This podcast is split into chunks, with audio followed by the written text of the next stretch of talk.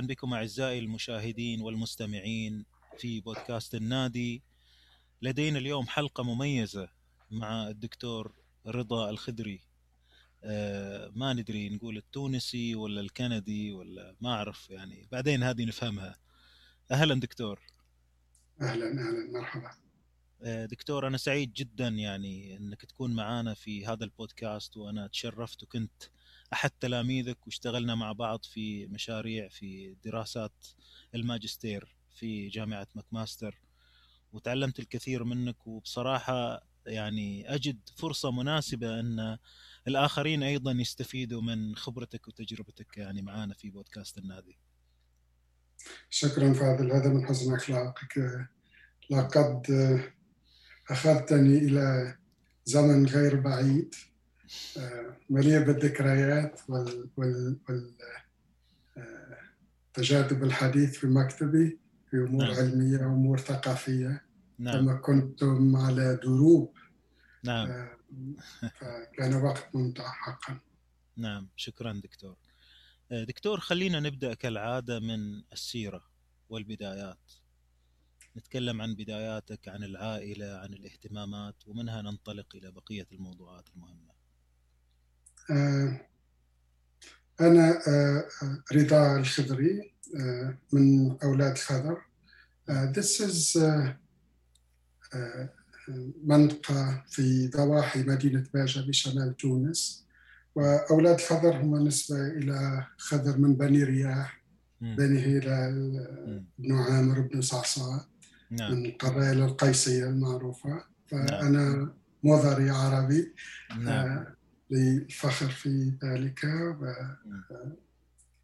آه تربيت في عائلة.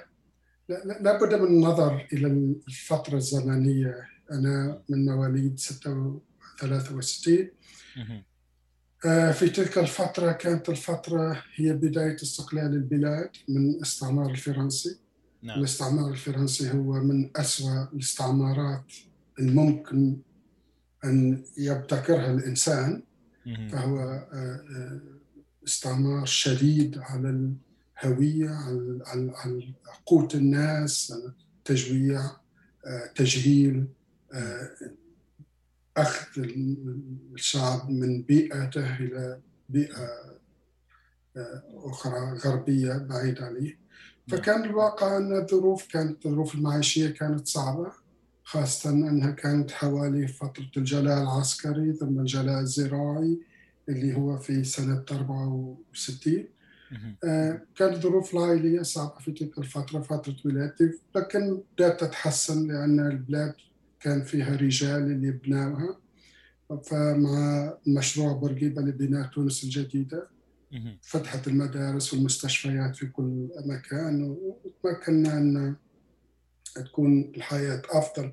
لكن أتذكر أن الحياة كانت صعبة في الأول خاصة في المناطق الريفية في الشمال اللي آه، أراضيها خصبة.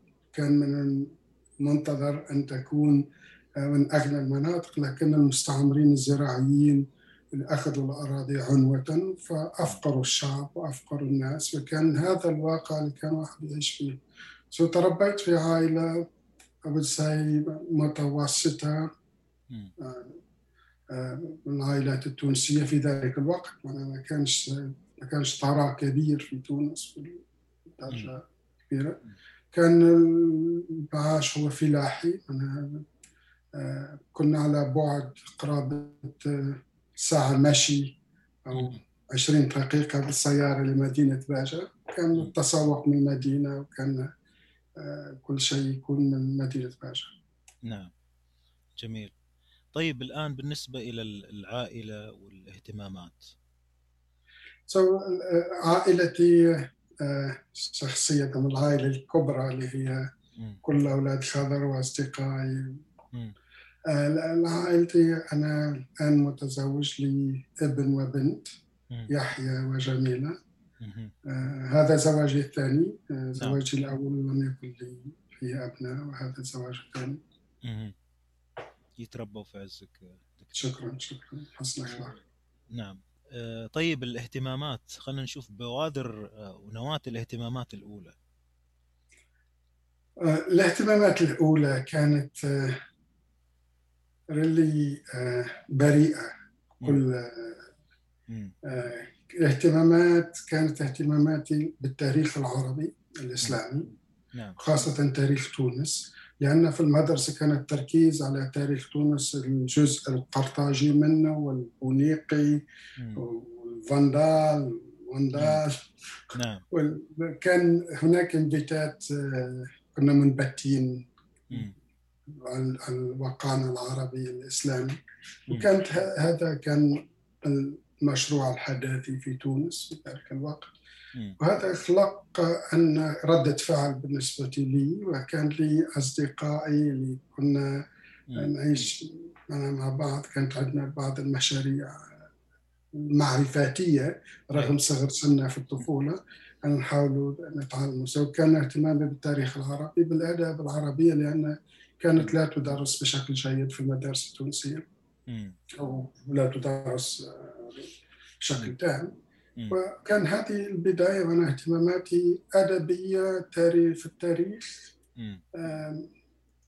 لم لم تكن. اهتماماتي العلمية بدأت بمشروع كان أحد أصدقائي يمكن أن أذكر اسمه يوسف النفزي وأخوه نور الدين النفزي. هذا ما أصدقائي كانوا كإخوتي كنا نلعب دائما.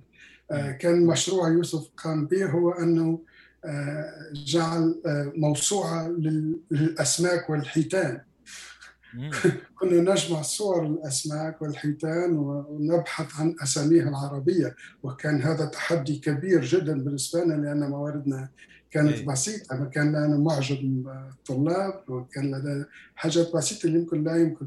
كنا نأخذ الصورة ونبحث عن اسم ذلك السمك أو الحوت آه، لمدة طويلة حتى نجد الاسم ونتناقش. هل هذا هو الاسم الصحيح؟ هل هذا حوت يشبه ذاك؟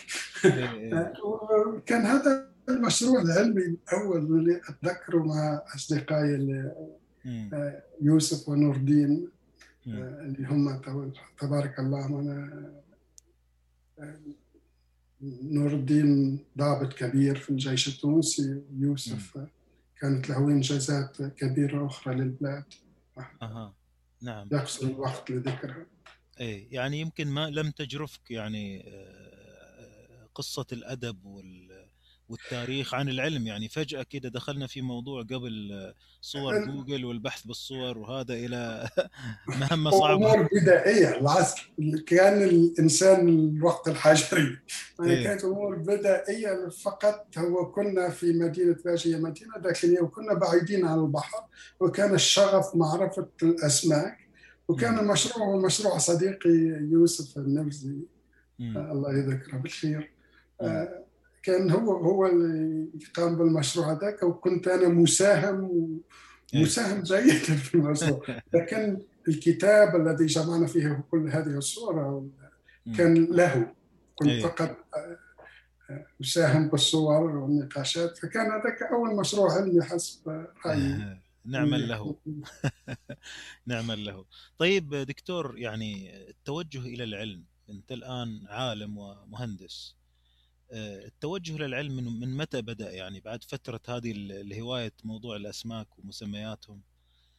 كيف كيف مرحلتين مرحلتين ثم ثم حسب أنظر في ذاكرتي أجد أن في المرحلة الأولى كان آه، من خلال قراءاتي لكتيبات كانت تنشر في تونس لفاروق الباز المشروع الفضاء الأمريكي. فمثلا رحلة إلى قمر رحلة إلى المريخ آه، أخذ اهتمامي. فمن ذلك الوقت أخذ أخذت آه، اهتمام كبير للفيزياء أستروفيزيك أسترونومي كل هذه بدأت أفكر بأن أكون شخص يقدر أن يبعث أشياء على الكواكب الأخرى وأن أفقي العلمي انفتح بهذه الكتيبات وأني أذكرها إلى الآن.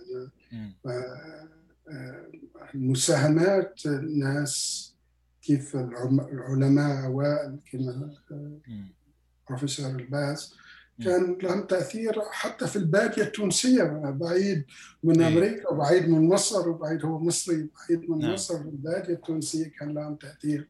ولذلك آه، أدعو أن الناس اللي عندهم فكرة على آه، العلم وعلى أي موضوع من المواضيع اللي عندهم خبرة متقدمه في المجال أن يبسطوا ذلك للناس ليتمكن الصغار من معرفتها مم.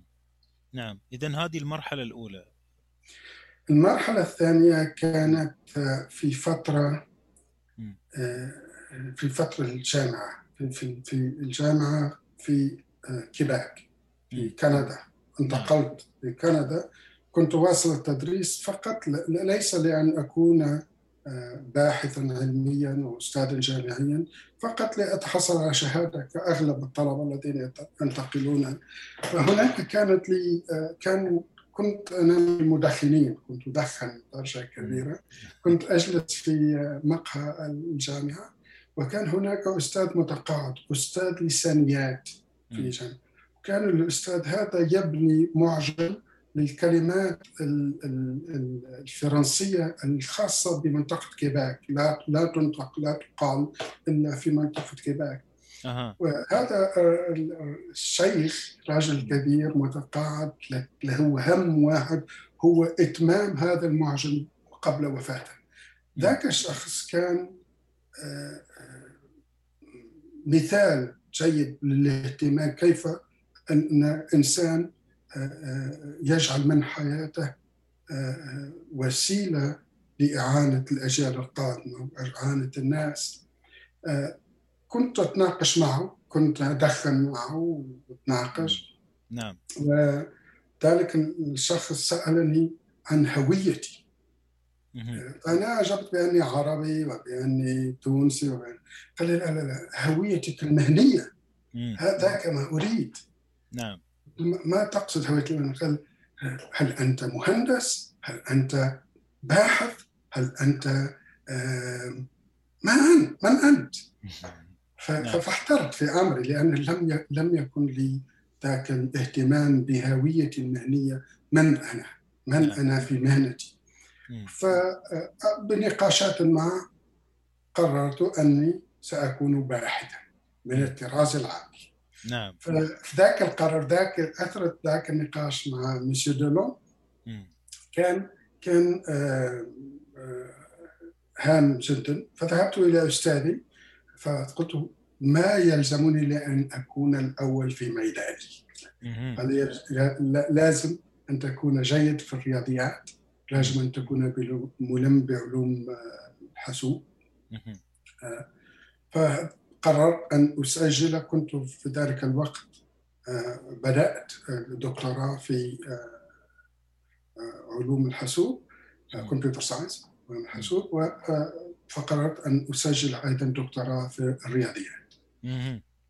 وكان الأمر كذلك بديت تم الامتحانات هو في الدكتوراه في جامعات شمال أمريكا اغلبهم ثم امتحان قبل الدكتوراه في السنة الأولى من الدكتوراه. آه، قبل أن تبدأ الأبحاث هناك امتحان على آه، آه، معرفتك بال- بال- بالرياضيات مثلا إذا كان في الرياضيات فروع الرياضيات معرفتك بعلوم الحاسوب في دكتوراه علوم. الحاسوب فاجتزت الامتحانات في الاثنين وفي يوم من الأيام نفس الأستاذ نفس هذا الشيخ.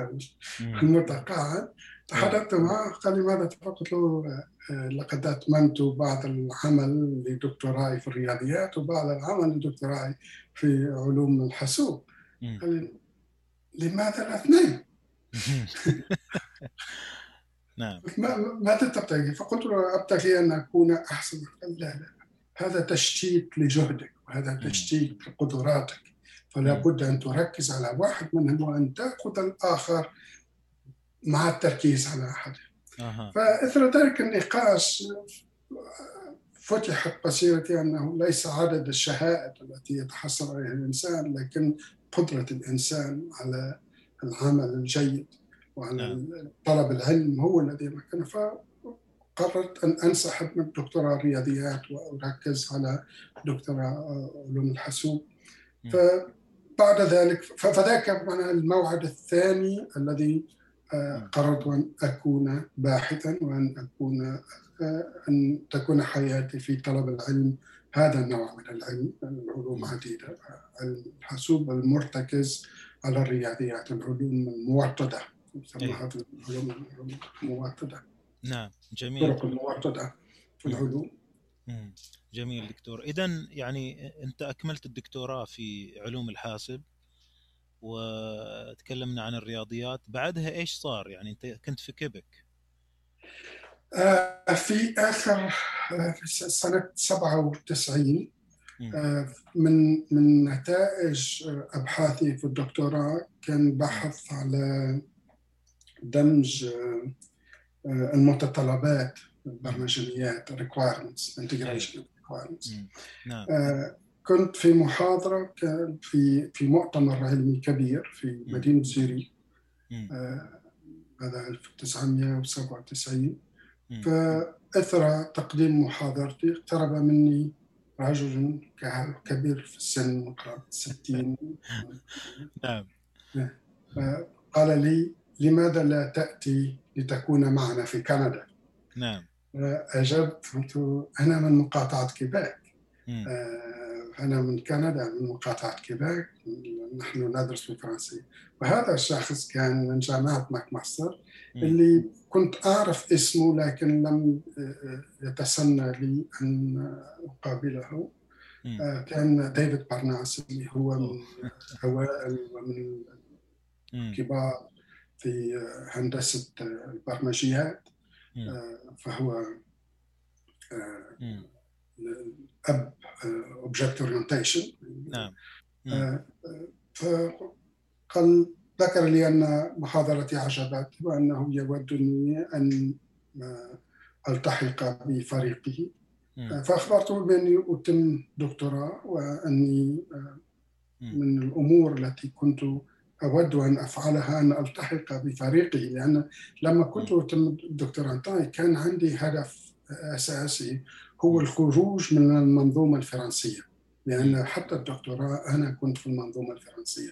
لأن التكوين الفرنسي في فرنسا لا يسمح لنا أن نكون في أي مكان آخر غير العالم الفرنسي واللي هو فرنسا مقاطعات في سويسرلاند في سويسرا وبلجيكا مقاطعات في بلجيكا بلجيكا وكيباك. هذا الفضاء الاستعماري الذي فرض علينا فكان همي اني أود الخروج من هذا الفضاء للالتحاق بالفضاء الانجلو ساكسوني اللي هو فضاء ارحب بالنسبة لي وأوسع وبه إمكانيات أكثر ويمكن الإنسان أن يبرز خصائص قدراته أكثر.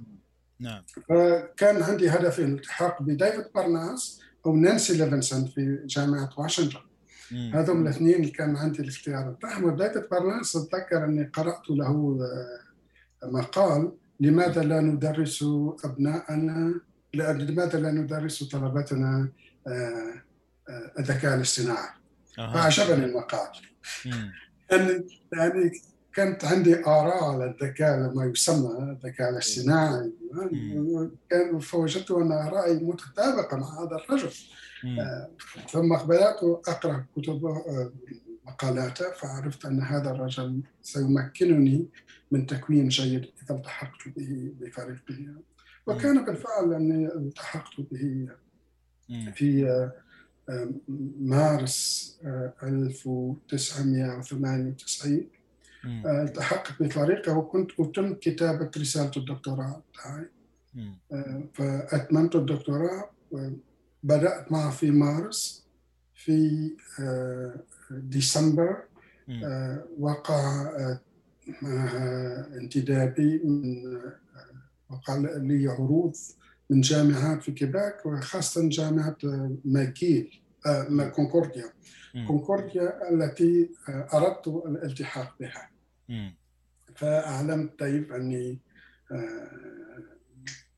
سأغادر إلى كيباك لأن زوجتي كانت مختصة في علم اللسانيات اللغة الفرنسية وكانت لها برامج علمية أيضا في الميدان وبانتقالنا post-doc ما بعد الدكتوراه مع ديفيد برناس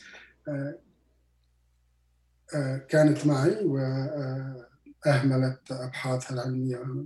كان الرجوع للكيباك رغم أنا سأكون في جامعة أنجلوساكسونية جامعة كونكورديا وهي تلتحق بالفضاء الفرنسي أين عملها.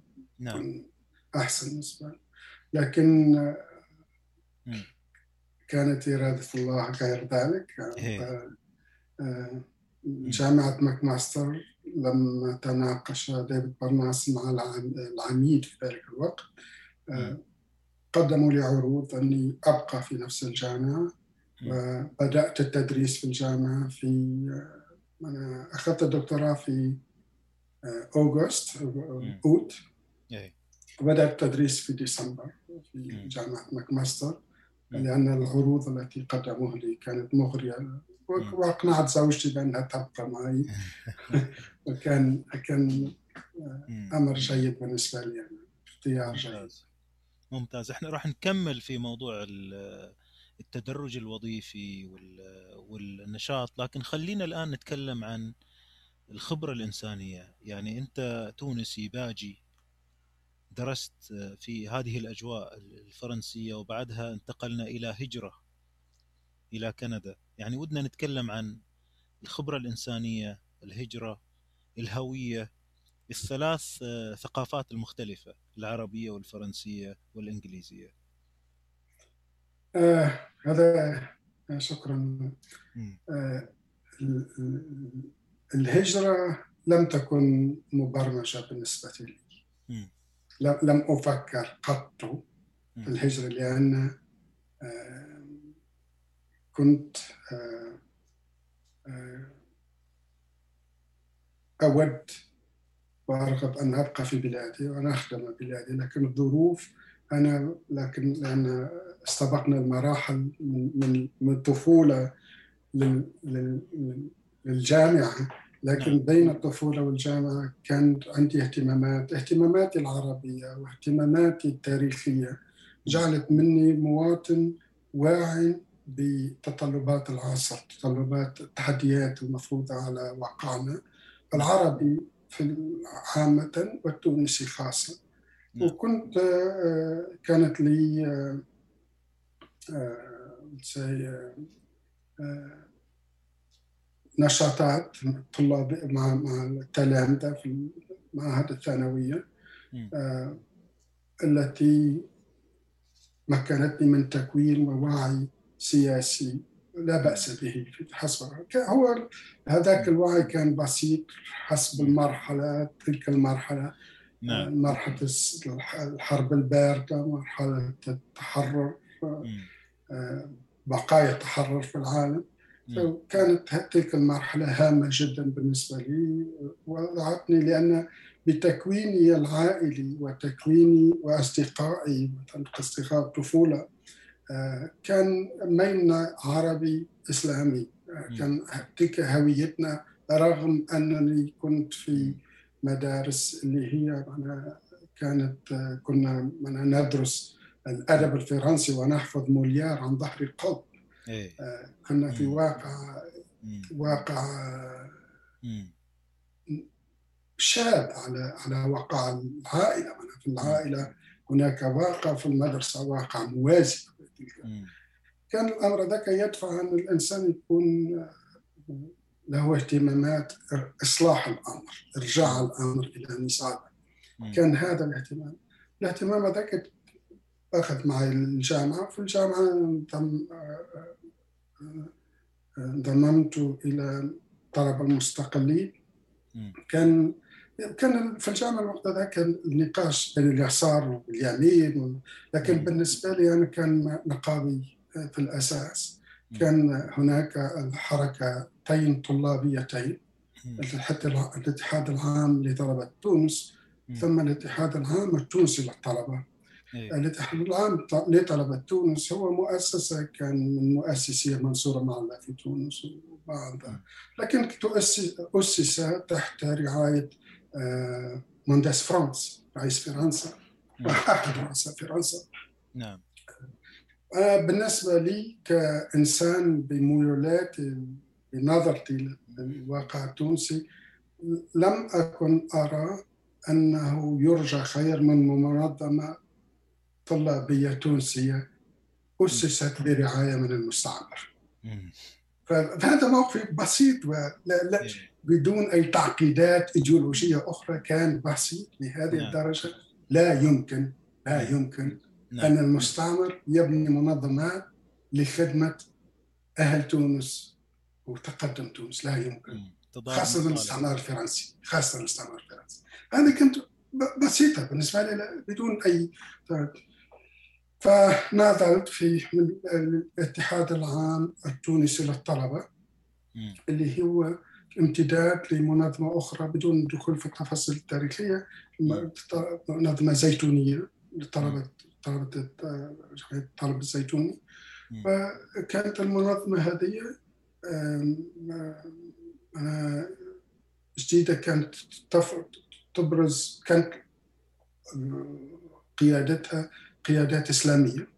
لكن لم أرى مانعا في ذلك لأن فقط بالنسبة لي هو ذاك الرجوع والابتعاد عن أي منظمة أسسها الاستعمار. بالنسبة لي كان ونشاطي كان نشاطي دعم فقط لم أكن من القيادات ولم يكن كان دعم فقط.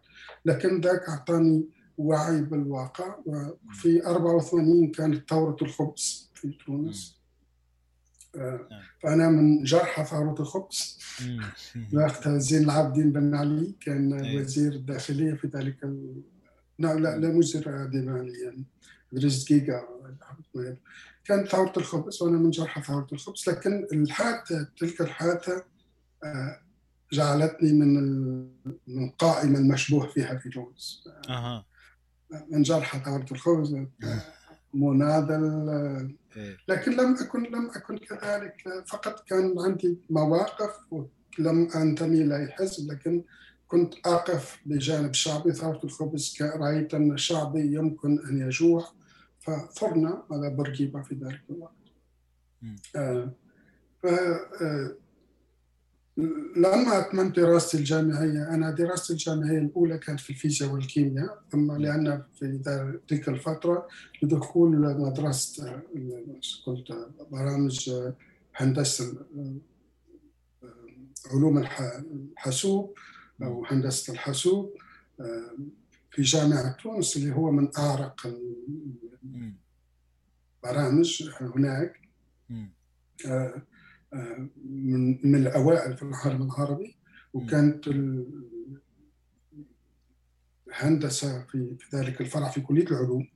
آه، كان ينبغي أن يكون لك درجة علمية في العلوم آه، علوم الفيزياء أو الفيزياء والكيمياء أو الرياضيات للالتحاق بالهندسة. فالتحقت بذلك القسم من كلية العلوم ليس مدرسة مهندسين كلية العلوم الهندسة. علوم الحاسوب تخرجت من ذاك والتحق بالبنك العربي لك شركة تشتغل مع البنك العربي للبيات اشتغلت أنا كنت أشتغل. لكن في تلك الفترة كان عندي صديق قابلته في الشارع بطريقة مرات الأحداث يمكن قابلته في الشارع. كان ذاهب إلى السفارة الكندية لطلب آآ آآ هجرة مطلب هجرة. نعم إيه. ففي في النافذة كنت واقف بجنبه. السيدة أعطت كل واحد منا مطلب. قلت له صديق ماذا أفعل بهذا؟ نعم. فقال املأه املأه. فكنا كان الإنسان إما في إيه. ذلك الوقت يتبع. ف ملأت المطبوعة فما رجعتها فكان من من من حسن حظي أو من مشيئه الله أن آه، في بعد تلك الفترة بدأ نظام بن علي يقبض على كل أي نفس حر في تونس. وفي تلك الفترة آه، جاتني التأشيرة من السفارة بأني يمكن لي أن أهاجر لأني كنت متميز في مهنتي وفي في وفي تلك الفترة كان علي أن أغادر لأني رأيت أن أصدقائي يلقى عليهم القبض واحد تلو الآخر أها فمن من مشيئة الله أني غادرت البلد وأسبوع أفضل أسبوع من بعد إيه. خروجي من البلد. جاءوا إلى منزلي للبحث عني وألقوا القبض على والدي من العمل للاسترشاد عن مكان وجودي في تونس. والدي بأني غادرت البلد بقيت خمس سنوات لا يمكنني الدخول إلى تونس. حتى تحصلت على المواطنة الكندية. آه، فأمكنني الرجوع إلى تونس كمواطن كندي بالمراتب الأولى. ثم إيه. نعم. طيب كلمنا دكتور عن عن عن ال- فكرة الهجرة وتقبلك لها و- والهويات اللي عشتها هذه الثلاث ال- هويات ال- ال- الهويات ال- الهويات الواحد يعيش مغترب دائما ال- الهوية تصبح مغترب حتى في هويتك الشخصية مم. هذه من مآسي الهجرة بالنسبة لي. حسب رأيي يعني. مم. أنك لا تحس أنك فرنسي رغم أنك تتقن اللغة الفرنسية خير من الفرنسيين نفسه لا تحس أنك إنجليزي رغم أنك تطلق تتقن اللغة الإنجليزية وتعرف الثقافة و- مم. وقرأت الأدب الفرنسي و- نعم. لا لا تحس أنك عربي لأنك فقدت الكثير من الحياة اليومية العربية فالمهاجر هو شخص هجين بين كل هذه ال- ال- الأبعاد الثقافية آه، نعم. فهو آه، أكيد له نظرة مختلفة على العالم غير تلك ال- التي لدى القعر الإنسان الذي لم يخرج من من- مكانه. نعم. وله نقاط قوة وله نقاط ضعف. نقاط ضعف هي نقاط عدم آه، وضوح الهوية لأن هويته عالمية تصبح. إيه بكل أبعادها لأن ما- يمكن أن يقول في الثقافة الفرنسية هناك أشياء جميلة جيدة آه، يؤخذ بها وفي الثقافة ال- الأنجلوساكسونية نفس الشيء والثقافة العربية.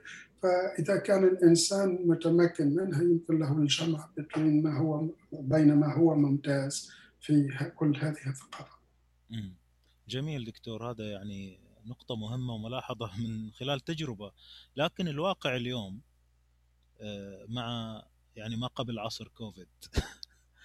الواقع اليوم إن الأسفار سهلة انتقال الناس آه، زواجاتهم الثقافات اللي قاعدة تنتشر عبر الإنترنت المأكولات الموسيقى الأدب كل شيء جالس يختلط. يعني إحنا ما نعرف هوية الشخص إيش راح تصير بعد 15 سنة أو 30 سنة من الآن.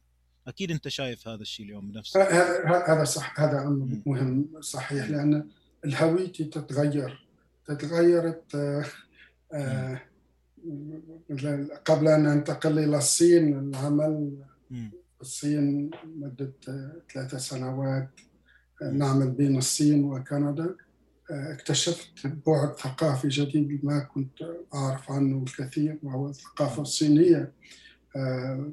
والمشروع النهضوي الصيني شفت في المخابر في الجامعات ما هم يقومون به. نعم ذاك بعد فزوجتي الثانية هي صينية مم. هذا بعد آخر آه، نعم. فنحن في بعض الوقت نتكلم الصينية في المنزل نعم العديد من اللغات آه، نعم. مم. نعم تجعل منك آه، مواطن آه، آه، ذو بعد نظر حسب رأيي ووسع نظر. آه، تجعل منك متفهم لما قد آه، يؤثر على الآخرين مثل آه،. آه، تتفهم لأن تفهم الأبعاد الثقافية وراء الشيء ذلك الشيء. ويثري هويتك يثري آه، نظرتك للكون. وللإنسان نعم آه، في العديد تلاحظ ما هو جيد وما هو سيء في الإنسان. تلاحظ العنصرية تلاحظ آه، كل هذه الأمراض البشرية اسميها أمراض بشرية لأنها موجودة في كل المجتمعات ولكن بأقل حدة في بعض المجتمعات من مجتمعات أخرى، ثم بعض المجتمعات المغلقة عادة ما تكون فيها هذه الأمراض السيئة العنصريه. نعم. وعدم احترام للآخر تكون شديدة. كل ما كانت المجتمعات متخلفة كان فيها النظرة القبلية الضيقة هي الآخرة. كل ما كانت المجتمعات منفتحة تكون فيها الإنسانية هي أهم حاجة تجمع بين الكل كإنسان. وتحكي على كوفيد. كوفيد أبرز لنا أننا كلنا بشر وأننا نعاني من نفس الشيء وأننا آه، نتألم لنفس الشيء ونفرح لنفس الشيء نتألم للموتى كل يوم ونفرح باللقاحات التي تنجز هنا وهناك نعم جميل. يمكن نتوقف عند هذه النقطة فيما بعد في النشاطات الحديثة. آه، دكتور خلينا ناخذ استراحة ونسمع شيء على ذوقك يعني كذا. إيش تسمع في العادة أنت؟ آه، أنا لما أكون بقرأ أو أكتب أفضل موزارت أفضل بيتهوفن. خاصة بيتهوفن اولا لكن أنا من الجيل اللي أم كلثوم عبد الحليم. نعم. أنا أفضل الموسيقى العربية فتره الستينيات. الشيخ إمام. نعم. نعم.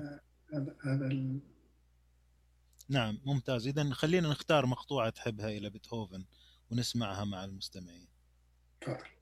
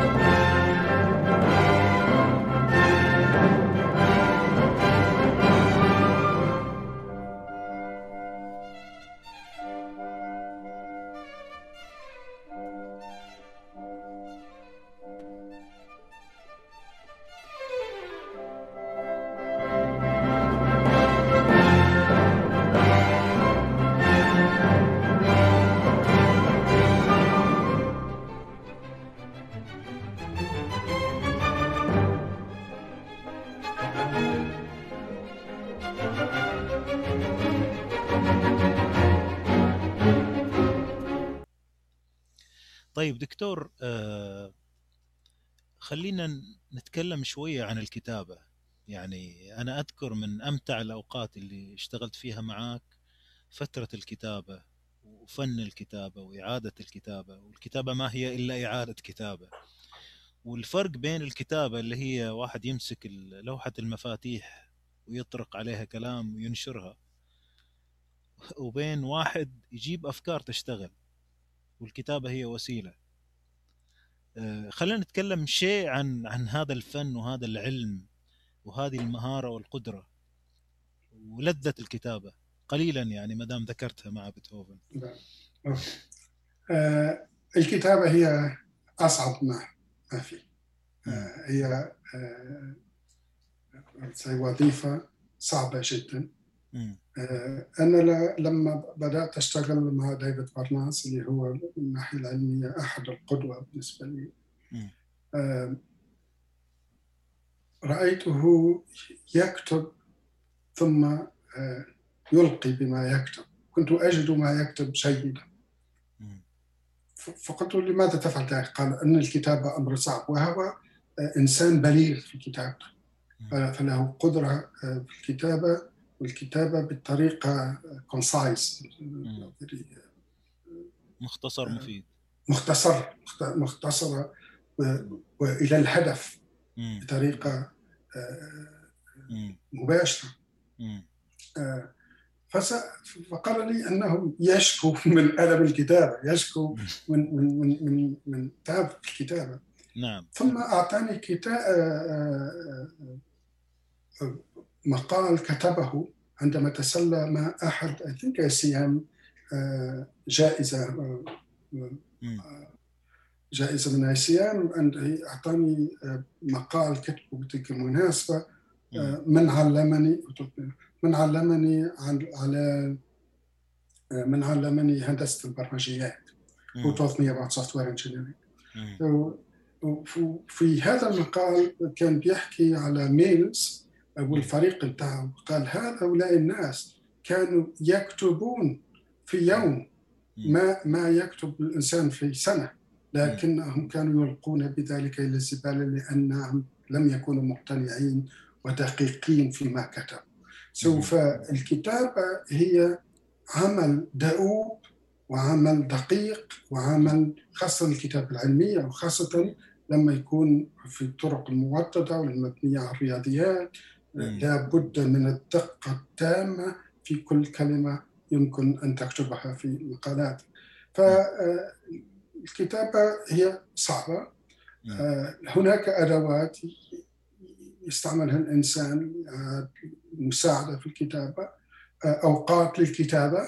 كما أوقات أنا لا يمكن لا يمكن لي أن أكتب بعد الظهيرة نعم. لما يكون إنسان في الصباح الباكر أحسن أوقاتي بالكتابة. الطريقة ميثودك منهجية. منهجية طريقة منهجية. آه، لابد هناك منهجية تتعلمها من أستاذك والحمد لله أنا لي بعض الأساتذة اللي كونوني بطريقة جيدة. نذكر أن أستاذي في الدكتوراه آه، آه، مرة جئته بمبرهنه والبرهان تحتها. نظر للبرهان وقال هذا هذا لا يصلح فيه خطأ تعلمت من الاستاذ هذا؟ ان لا اساله ما الخطأ. إيه. لأنه كانت تلك طبيعته لا يجيب. قلت إيه. اذهب واكتشفه بنفسك. فذهبت في, في تلك الفترة وجدت أن هناك قوس مفتوح ولم يغلق فغلقته فبقيت أسبوع ثم لم أجد أي خطأ رجعت قلت له انظر هذه الورقة التي سلمتك لقد نظرت كل مرحلة من مراحلها وليس هناك أي خطأ. قال أيه. آه هذا هذا أضفته بعد. ذاك أيه. كان الخطأ. نعم. فشفت لماذا أسبوع كامل من آه آه هذا natural compiler هذا آه interpret فقال ستكون تعمل وحدك ولن يكون هناك من يتفقد ما تكتب فلا بد أن تحرص على الدقة الكاملة وعلى أن يكون ما تكتبه بدرجة جيدة جدا فهؤلاء الناس الذين رافقوني تعلمت منهم الكتابة وكنت أجيد الكتابة باللغة العربية من العائلة وأصدقائي. كنت أكتب بطريقة جيدة. نعم. أني أتذكر بعض مواضيع الإنشاء كانت تقرأ في المدرسة. كنت أكتبها وكانت تقرأ في كل المدرسة. الكتابة لكن يمكن لأي إنسان أن يتعلم الكتابة. يمكن لأي إنسان. إيه. يمكن هذا موضوع نتطرق له بتفصيل في لقاء آخر لأنه موضوع كبير ومهم. إن شاء الله. كثير من الناس تستسهل هذا الموضوع لا, لا ترى أهمية الموضوع أو يمكن ما ما تشعر بأهميته. بنقطة واحدة أضيفها للكتابة أضيفها للكتابة هي أن إذا كنت لا تفهم موضوع فلا يمكن أن تكتب عليه. فالفهم هو أساس فلا البحث والفهم إذا كنت تكتب في موضوع أدبي فالبحث في الموضوع تجميع المواد كله فذلك يسهل الكتاب. إذا أنت تريد أن تكتب شيئا لا تفهم فتصبح المهمة مستحيلة. لكن إذا كان لك فهم دقيق وكذلك في, في, في الأمور العلمية آه، نبتكر الأشياء بطريقة ونكتب عنها بطريقة أخرى. لأن ابتكارنا هو طريق طويل ملتوي. نعم. لكن كتابتها هي لإبرازها وإظهارها وتفسيرها للقارئ فتكون بأبسط طريقة ممكنة. ولذلك تكتب النسخة الأولى والثانية والثالثة حتى العشرة نسخ. أنا أبدأ من نسخة minus 5 أنت plus 5 تبدأ كل مرة تبسط إظهار وتقديم المادة التي تكتب عنها. وتكتمل نعم. جميل جدا. والله موضوع لذيذ هذا شكرا. آه، دكتور خلينا نتكلم عن عن التدرج الوظيفي الآن الأكاديمي أو آه، الأشغال المشاريع الأسفار آه، مشاركاتك نتائج الأبحاث. يعني خلينا ناخذها بالطريقة اللي أنت تشوفها. نتائج الأبحاث يعني إيش إيش اللي اشتغلتها الأشياء اللي اشتغلتها وقدمتها وتطبيقاتها. بس خلينا نبدأ بالتدرج الوظيفي الآن من بعد بداية الدكتوراه أنا تخرجت من تونس كمهندس فأنا مهندس لكن بعد خبرتي أصبحت في مقاطعة أونتاريو مهندس محترف professional engineer نعم. في كندا لممارسة الهندسة لابد من ترخيص و والتقييم لكفاءتك. لابد أن تكون كفاءة عالية ولذلك يمكن إدراجك كمهندس محترف. فأنا مهندس مهنيا. فأبحاثي العلمية فأنا بدأت في 1990 في ديسمبر 1998 في ديسمبر أستاذ مساعد في جامعة ماكماستر عندنا ال tenure اللي هي مرحلة تمتد بين أربعة إلى خمس سنوات خمس سنوات أما أن يقع ترقيتك إلى associate professor أو طردك لأن في الجامعات المقدمة ماكماستر هي بالنسبة للأشقاء الإخوة الذين لا يعرفون هذه الجامعة. هي من أبرز أربع جامعات في كندا الجامعات الكبرى في كندا هي تورونتو university بريتش كولومبيا ماكيل ماكماستر.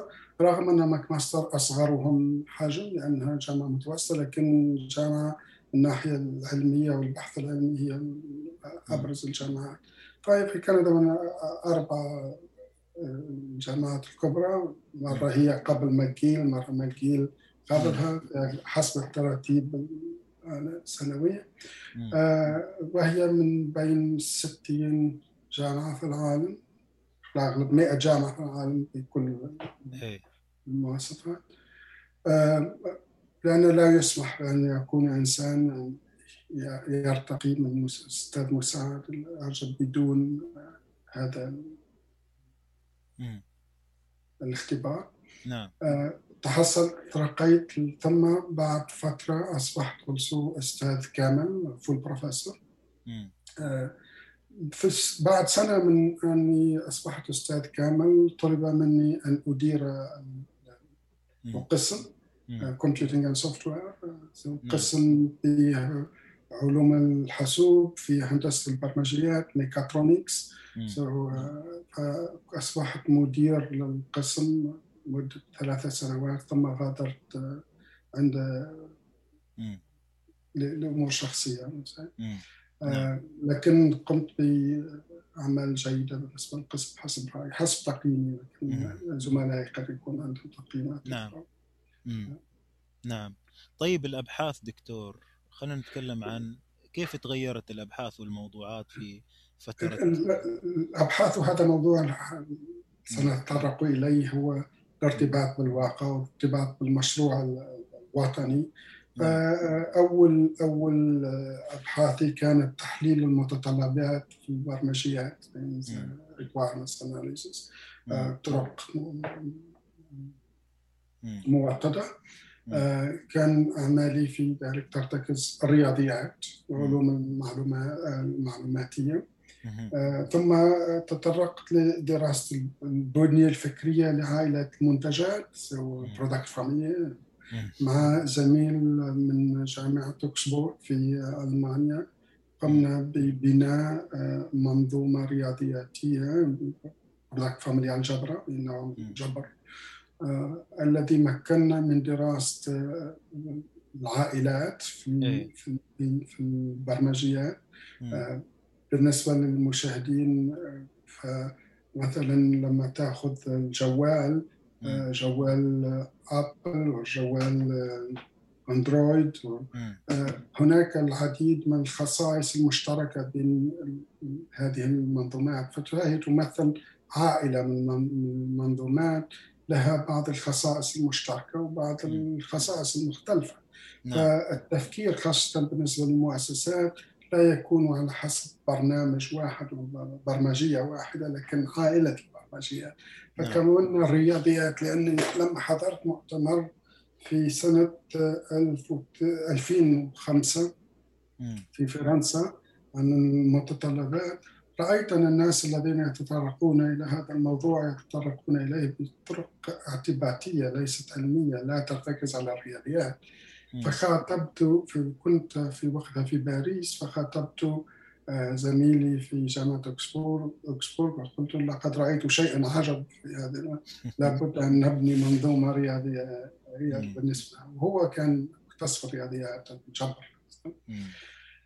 آه، فقال لماذا لا تأتي إلى أكسبورغ رحت كنت في تلك الفترة في سنة آه، اسمها ريسيرش ليف. أنا عطلة للأبحاث إيه. أتنقل في نعم. العالم كما أريد مم. بدعم من جامعتي. آه، فالتحقت به وقلنا نكتب على هذا الموضوع مدة عشر سنوات أسسنا فيه هذا هذه العلوم. آه، آه، فاستعملتها في العديد من المواضيع هذه الرياضيات. ثم انتقلت إلى أمن المعلومات خاصة البروتوكولات المشفرة الموزعة. طريقة التشفير في في البروتوكولات وتحليل البروتوكولات. لأن كان عندي طالب فلسطيني الله. يذكره بالخير. لا أقدر أن أذكر اسمه لأني لم أطلب ترخيص منه. لكن كان طالب ممتاز جدا جدا جدا. تبارك الله. جاءني قال أريدك أن تكون رئيس أبحاثي في أمن المعلومات. فأنا أجهل بالموضوع. لا, لا أعرف إلا ما يعرف العامة عن الموضوع. قال إيه. أني أحتاج لشخص متمكن من الرياضيات ليساعدني. قلت أنا ذلك. إيه. أنا ذلك الرجل. نعم. فبدأت أشتغل معه وبدأت أدرس معه لأن كل ما كنت لا, لا أعلم الكثير آه، آه، و- و- كنت أدرس. فاكتشفت أن هناك العديد من النقائص. فمثلا في البروتوكولات يجدون خلل في البروتوكول ثم يثبتون رياضيا أنه خلل. إيه. فقلت لازم أن يكون لدينا شخص ذكي جدا ليجد الخلل. إيه. لماذا لا نجد الخلل عن طريق الحساب؟ صحيح. نقوم بالحساب فنجد الخلل.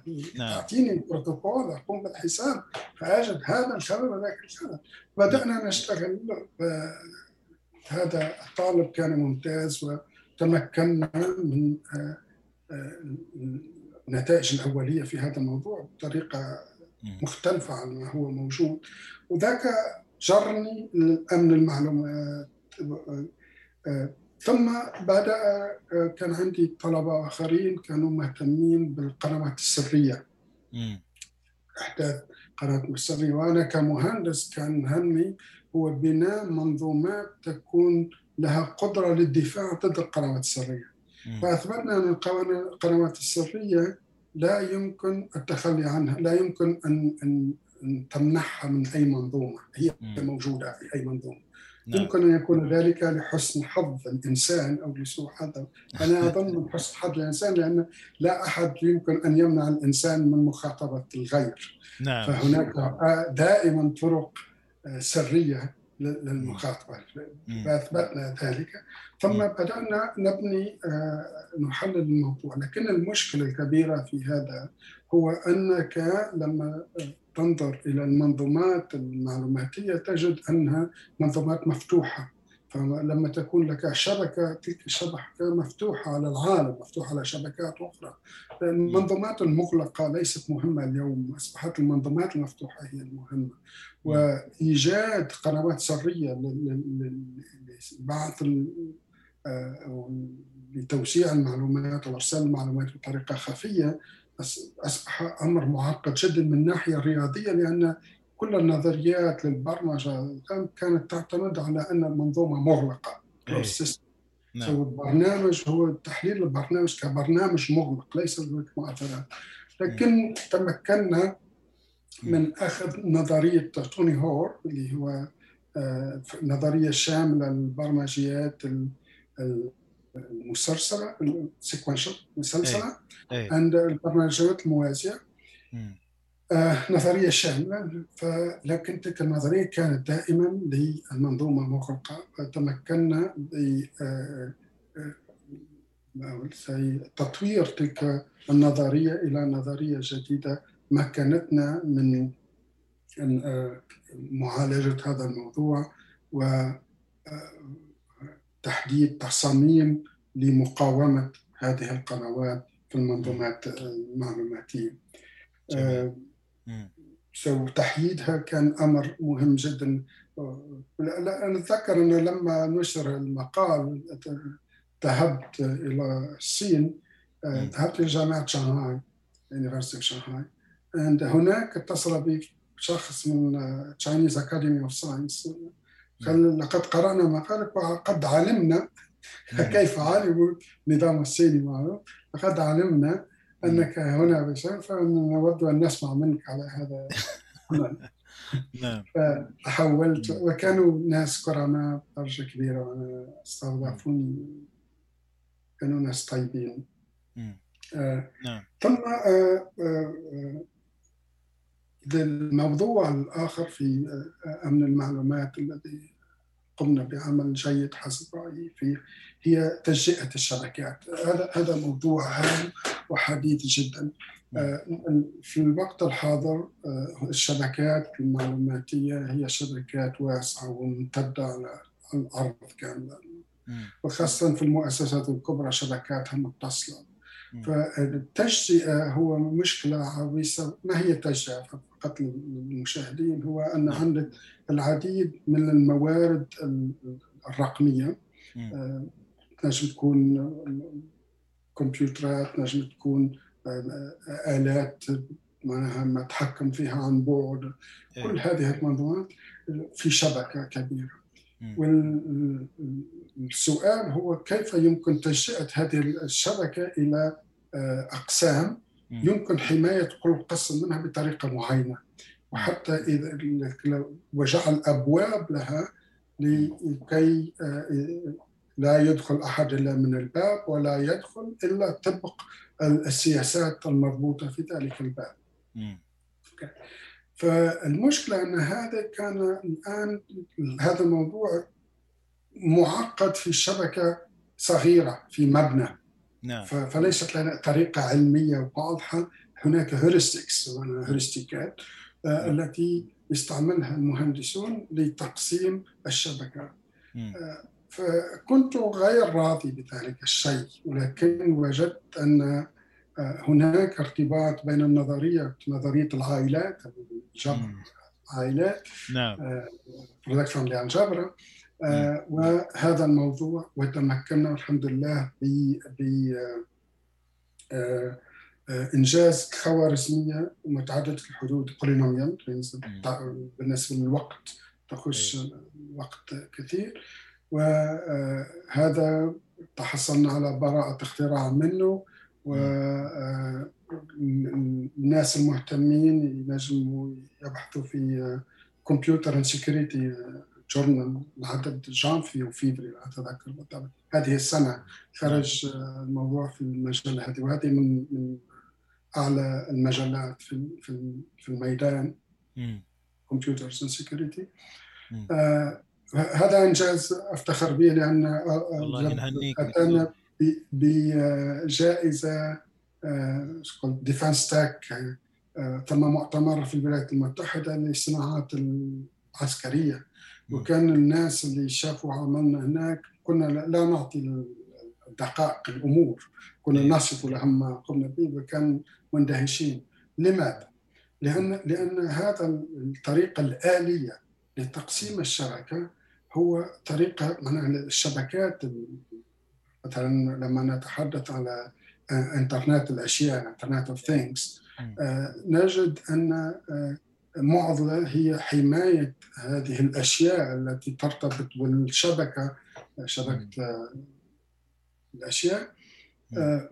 فكيف يمكن تقسيمها لتحميل هذه ديناميكية لكن الخوارزمية التي أنجزناها هي تمكن من آه، آه، إعادة تصميم الشبكة والأبواب ومن آه، خلال الحساب نجد السياسات التي يجب أن نطبقها وأن نلتزم بها عند كل باب للدخول لأي أي أي واحد من هذه الأقسام. فهذا من أحدث الأعمال ما زال العمل فيه كثير. جاري. المجال الآخر الذي اشتغلت فيه هو آه، تحليل المعلومات.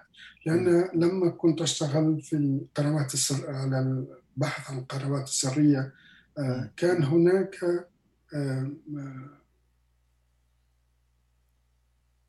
necessary conditions.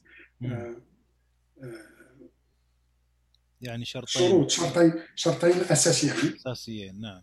يعني شرطين أساسيين لوجود القناه السريه، واحد هي إمكانية الاتصال، إذا أنا لا أقدر أن أتصل بالأستاذ الفاضل آه لا يمكن أن يكون بيني وبينه قناة سرية. صحيح. والاتصال يمكن أن يكون من خلال الشبكة أو من خلال الانفايرمنت البيئه الأمور الجانبية الأشياء الجانبية. أوكي. آه، والشرط الثاني هو العلم. إذا لم يكن لي أي أشياء سرية فما المشكلة أن يكون لي قناة سرية معي؟ فليس لي ما, ما يمكن أن أفشي إيه. آه، آه، أفشيه لهذه خلال هذه القناة السرية. نعم. لكن في الشبكات فأي منظومة يمكن أن تحتوي على درجات معينة من العلم نولج آه، العلم عن عن عن عن, عن الأشياء المهمة. فلذلك لابد من دراسة العلم نولج وكيف يتكون وكيف آه، آه، يحلل كيف ربطه كيف إيصال النقط بالاحداث الأخرى. إيه. فكان هذا الموضوع كان ضروري بالنسبة لأبحاثي في آه، آه، علوم في آه، أمان المعلومات. وهذه كانت عن طريق ال algebra برضو دكتور؟ هذا طريقة فأنا هذا مختلطة بين algebraic approach and relational approach الاثنين. جميل جميل. فبدأت في تركيز منظومة اللي بدأت تعطي ثمارها في لكن بالنسبة لي كان النظر فقط على المعلومات زي cartésien cartésien بالنسبة إلى ديكار. أنها مثلا database المعلومات التي تأتي منها أو من خلال الاتصالات فقط. فهذا التركيز جعلنا نركز على جزء مهم دون الآخر لكي نتمكن من نتائج جيدة بهذه الخاصية أن عالمنا هو عالم كارتيجي ليس عالم متصل. جميل دكتور. وهذا وهذا له فقط له وهذا شيق لأن له جسر مع الفلسفة مع إيمانويل كانت أو نظرته للعلم وتطور العلم والأنطولوجيا كل هذه المواضيع الفلسفية تجدها موجودة ولا بد من دمجها في منظومة رياضية. فأنا أتذكر أحد أساتذتي ويليام هاتشر اللي كان له تأثير جيد عني كان كان هو logician وفيلسوف من من ابرز الفلاسفة القرن العشرين. نعم. كان يقول بأن أصحاب الرياضيات يعملوا مايكرو فلسفة. إيه. فلسفة طريقة دقيقة وليس هلاميات كلام. لكن تأخذ إيه. الفكرة من الفلسفة وتبنيها في عالم الرياضيات جميل جميل دكتور. اذا هذه حقول كثيرة. من المعارف والعلوم وتطبيقاتها. أنا كبير في السن. لا والله ما يبين عليك وتلتهم الموضوعات وتنتج يعني بسلاح الرياضيات والعلم وربط الفلسفة الواقعية أو المايكرو بدل الثرثرة والهلاميات مثل ما قلت دكتور. كلمنا عن الأسفار. أكيد هذه الأبحاث فيها أسفار فيها مشاركات فيها الناس اللي تيجي تاخذ الأفكار هذه وتوديها تحولها إلى تقنية وإلى المصنع والواقع. الحمد لله في هذه المهنة من بالنسبة لي من أجمل وأحسن يعني ليست فقط لأن كل يوم تتعلم شيء جديد. كل يوم نعم. أروح من مكتبي في الصباح والمساء أرجع أنا شخص آخر. لأني تعلمت من زائر. لنا العديد من الزوار يقومون بتقديم محاضرات في جامعتنا. آه، كذلك نتجول في المؤتمرات العلمية في العالم. فأنا زرت أغلب بلدان العالم فقط بعض فقط بعض الدول التي ليس لها باع علمي على الإطلاق. لكن أغلب البلدان من آه، آسيا اليابان الصين الهند أوروبا أمريكا اللاتينية أمريكا الشمالية آه، كل هذه البلدان زرتها بمؤتمرات وكذلك عندنا زيارات للزملاء البحث التشاور في المسائل العلمية. هناك نشاط علمي عالمي آه، جيد لابد جامعاتنا تساعد بدرجة كبيرة لأن أستاذ جامعي بدرس آه، دارسين درس في الشتاء ودرس في الخريف ودرس للطلبة الماجستير والدكتوراه. ثلاثة دروس. يمكن تجمعهم في فاصل واحد في الشتاء. نعم. يكون الخريف فقط للرحلات العلمية والبحث العلمي. فبهذه القدرات والإمكانيات المادية المتاحة يمكن لك أن تختلط وتدخل المخابر في العديد من بلدان العالم.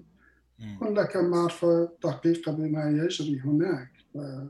مثلا لما رحت على آه، الصين آه، كنت أروح المؤتمرات مؤتمر عشرة أيام ترجع على كندا. لكن آه، لما تبقى هناك تشتغل معهم وجدت أن العديد من الإنتاج العلمي لا ينشر في الصين. فكان لي بعض الطلبة الماجستير والدكتوراه آه، يقرؤون لي يترجمون لي ما يقرؤون نعم. ما هو مكتوب. فهذا آه، لا يمكن لك أن تتحصل على بعض هذه المعارف إن لم تكن على عين المكان ولم تكن لك مداخل في ذلك المكان لتتعلم من هؤلاء. لأن يعني هؤلاء آه، أغلب انتاجهم بلغتهم. نعم. وبالنسبة إلى انتقال هذه الأفكار من الورق والمعمل إلى السوق أو إلى أنها تتحول من علم إلى تقنية. يعني حدثنا عن بعض اللمحات. هذا هذا يسمى بالإنجليزية the value of death. وادي الموت إيه؟ لأن يعني العديد من الأفكار الجيدة تموت قبل أن يقع الإنجاز. فلذلك لابد من بيئة حاضنة الافكار فانا العديد يظن أن وجود علماء بمجتمع كاف للتقدم العلمي هذا خطأ جسيم. آه، العلماء هم مجموعة من فقط مجموعة واحدة من المجموعات الضرورية للإنتاج العلمي والتقدم العلمي والازدهار الاقتصادي المرتبط به. فالبيئة الحاضنة هي بيئة آه، اجتماعية سياسية واقتصادية من هناك لابد أن يكون هناك باعثين مستثمرين آه، رجال أعمال لهم الجرأة بالمغامرة بأموالهم لأفكار العلماء ولدعمهم ولدعم مشاريعهم العلمية الفكرية. آه، لابد من حلم وهذا هذا هذا آه، أمر هام جدا لأن ضروري أن يكون هناك حلم جماعي لبناء مشروع وطني لبنائها فنحن مثلا في كندا كل سنة هناك قائمة للمشاريع الوطنية والأولويات الوطنية التي يمكن أن نعمل فيها ويقع آه، إعانتنا ماديا والعمل فيها. نعم. research grants so البيئة الحاضنة بكل آه، أول شيء جوانبها وامتداداتها الاستثمار آه، رجل الأعمال آه، رجل السياسة الذي يخلق الحلم الوطني ويقدمه للشعب. والعلماء اللي هم أساس. آه، نجم يمكن أن يختصر ذلك بتعويض هذه البيئة الحاضنة بالدولة والعلماء. فمثلا في المشروع النووي الباكستاني لاحظنا أن ليس مكان لا, لا, لا, لا يمكن أن يكون هناك مكان لرجال الأعمال لكن الدولة والعلماء الباكستانيين قاموا بإنجازات عظيمة التي زادت من قوة البلد نعم. آه، في في تجربة كوريا الجنوبية في مثال يحتذى به كيف أنهم خلقوا تلك البيئة من رجال أعمال ومن من مفكرين ومن قادة سياسيين بناء منظومة كاملة وبيئة كاملة التي جعلت من كوريا الجنوبية كوريا الجنوبية التي نعرفها اليوم. فمن التبسيط قول لأن لما مثلا ترى العالم العربي لا يوجد مخبر من أحسن المخابر أو جامع من أحسن الجامعات لا تجد علماء عرب بها. لا يوجد. فلماذا هذه القوة المشتتة؟ لأن ليس هنالك بيئة حاضنة. تلك البيئة الحاضنة هي التي فهؤلاء تفرقوا وقع تكوينهم خارج المنظومة والفضاء العربي آه، ليكونوا قوة للمجتمعات التي احتضنتهم. آه، فهذا ضروري وهذا هذه معضلة مجتمعية معضلة لكل الناس للتفكر فيها لكل كل كل كل ليست فقط لرجل السياسة أو لرجل الاقتصاد أو لرجل العلم هي للكل لابد أن يفكروا جميعا في خلق هذه البيئة التي تجعل من العلم قوة. نعم جميل. إحنا راح نرجع لهذه النقطة بعد شوية في سياق آخر.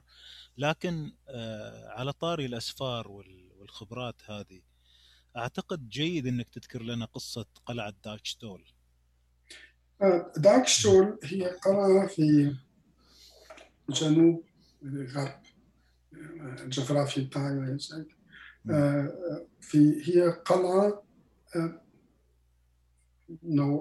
في في بعيدة عن كل شيء بعيدة عن المدينة بعيدة في البادية وهذه القلعة مفتوحة للعلماء كل أسبوع ينتظم فيها لقاء بين علماء يجتمعوا في هذه القلعة يتداولون موضوع اتفقوا عليه مسبقا ويقع الاستدعاء ناس الذين لهم باع في الاختصاص الذي سيقع دراسته وهذه تشتغل كامل السنة. كل أسبوع مجموعة تغادر يوم الأحد تجي مجموعة أخرى. والنقاش أنا كنت في لاكشتون آه، على الأقل مرتين.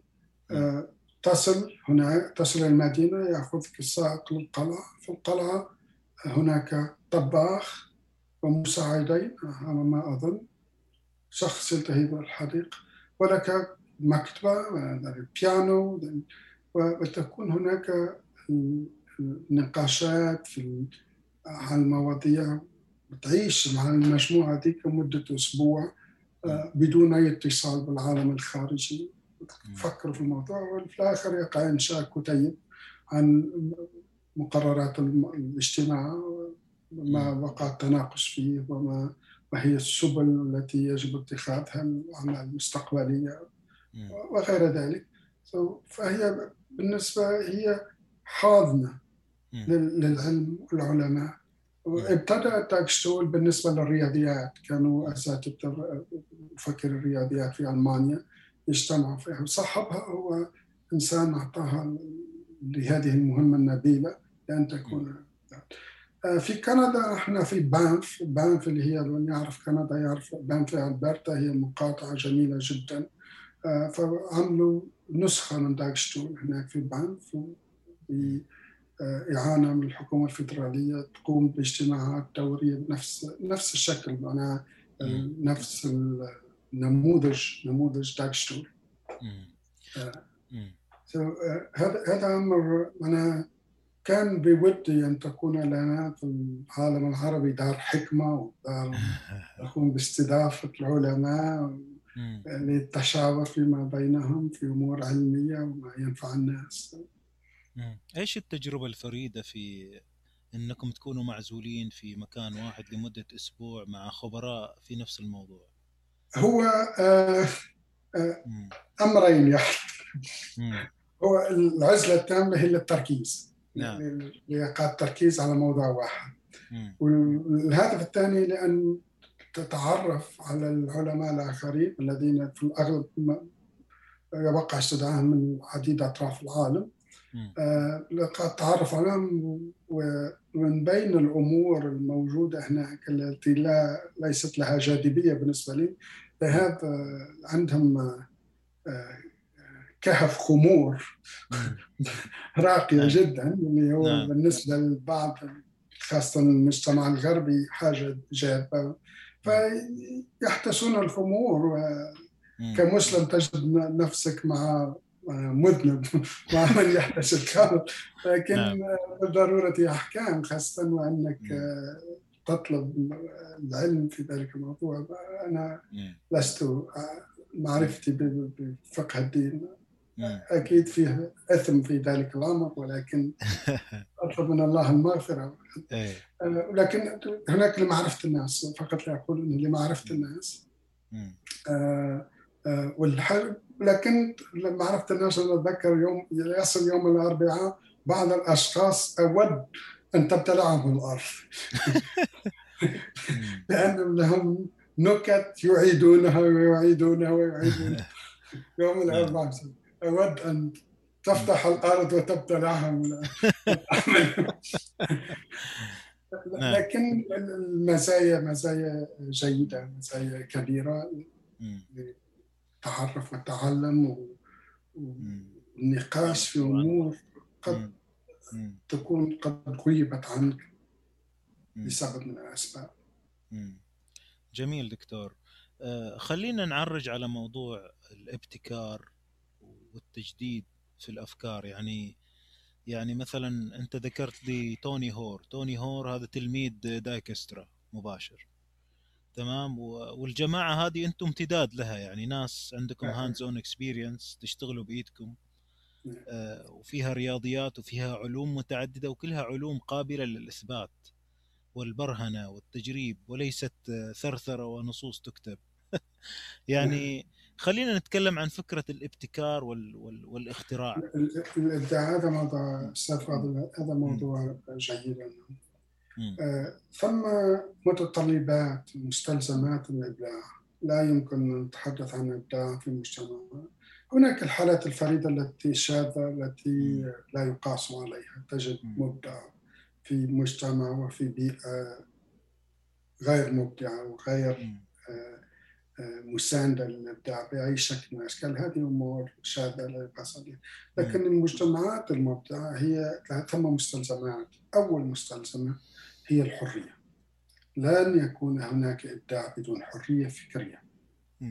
الحرية الفكرية أنك يمكن أن تتطرق للموضوع أي موضوع وبأي شكل تراه أنه لازم.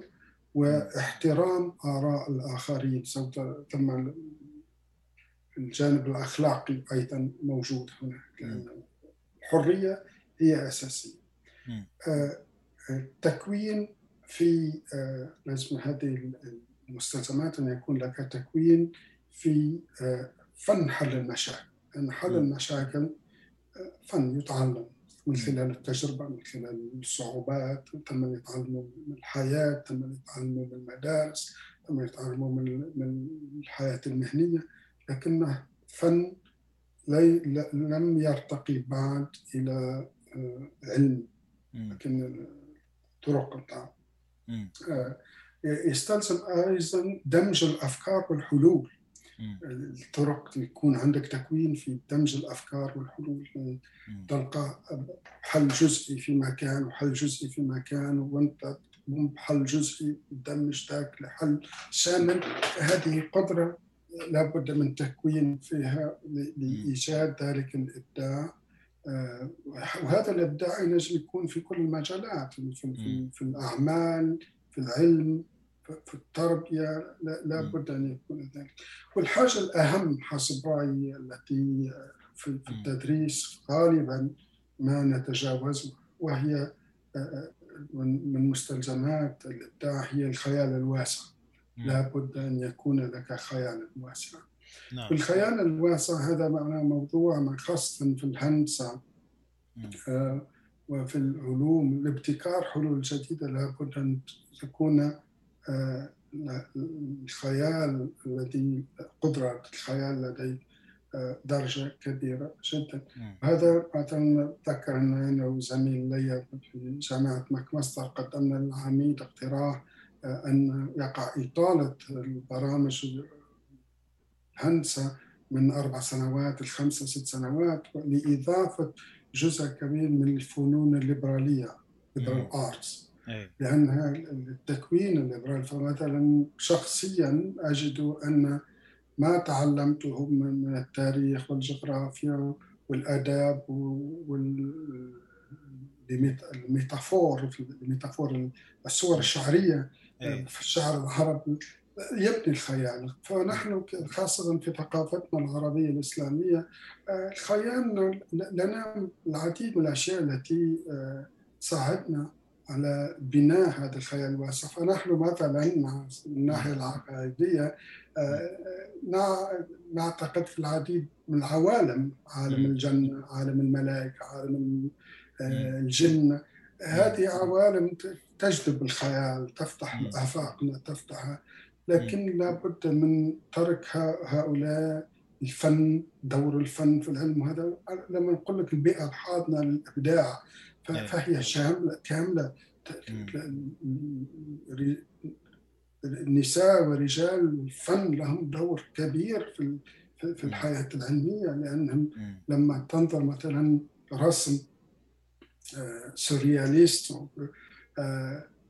تشوف الخيال عند الفنان مرات معزوفة موسيقية تأخذك إلى عالم خيالي فكل هذه من مكونات الإبداع واللازمة من ضروريات الإبداع. فالتكوين المجتمع لن تجد مجتمع مجتمعا مغلقا صعب في في في خاصة الأمور الفنية. يمكن أن يرتقي إلى أن يكون حاضنا لأن يكون مجتمع علم مجتمع تقدم. لا نعم. يمكن لأن من بديهيات الإبداع من ضرورياته مم. نعم يعني في انطباع بعد يعني أنت أحسنت تصوير الفكرة دكتور وغطيتها. لكن في انطباع مثلا يقول لك والله الآن بدأنا نصاب بالعقم في الابتكار والتجديد. آه، صارت الأشياء مكررة. إحنا قاعدين نشوف الأشياء قاعدة تصير وأنت واحد من المشاركين في المجتمع العلمي المنتج. يعني أنا لا لا أشارك هذه الفكرة لأن نشوف المنظومات اللي عندنا لما تشوف فيسبوك لما تشوف امازون علي بابا اي آه، تويتر دوز هذه منظومات آه، ناس ذو خيال واسع قاموا بابتكارها. نعم. والابتكار ولما ننظر مثلا إلى industry 4.0 vision رؤية الصناعه 4.0 هي معناها تتحدث على منظومات للصناعة اللي هي معناها تتعدى الخيال. نعم. فمن من سيبني هذه المنظومات مهندسي المستقبل لابد أن يكون لهم خيالا واسعا لي ليتفكروا ويصمموا هذه المنظومات التي تتعدى ما يمكن أن نصوره اليوم. نعم. فهذا فهذا آه، أمر آه، ضروري فأني كل تفاؤل باننا صار نرى نعم. فأنا لما كنت طالب حتى في الدكتوراه لما كنا نتصور أن سيكون يوم شيء اسمه فيسبوك في جميع أنحاء العالم أو أن أرى مثلا منظومات الصناعة الأوتوماتيكية المتقدمة بدرجه قريبة من الخيال. فهناك هناك أنا متفائل. هناك العديد من البشائر التي تدل على أن البشريه ماشية في بناء منظومات أخرى التي قد تبدو لنا خيالية اليوم ولكنها حقيقية في, في القريب العاجل. نعم. طيب دكتور نقطة مهمة هنا ما ننساها. إيش الخط الفاصل في البحث والابتكار أو تقديم أفكار جديدة بين ال pseudo science وال pseudo research أو العلم الزائف والبحث الزائف بالعربي نقولها؟ أه والأشياء الثانية الصحيحة ولا تشتغل؟ هناك أعطيك مثال. مثال قد يكون قريب لمشاهديك هي لما نحكي على الذكاء الاصطناعي. artificial intelligence. نعم. أنا أتذكر لما كنت طالب في جامعة لافال في الماجستير في التسعينيات كانت هناك موجة في اليابان الذكاء الاصطناعي واليابان مشاريع علمية كبرى. دون التركيز على ما هو آه، أولي فندمنتال جوهري. أو أساسي جوهري نعم. جوهري ما هو جوهري في ذلك. صرفت اليابان تريليون دولارز العديد من الأموال أموال طائلة. اليوم البعض يقول لم تجني اليابان من ذلك إلا آه، آلة طهي الأرز rice cookers لأنها من أحسن rice cookers نعم. في العالم ال rice cooker اليابانيين.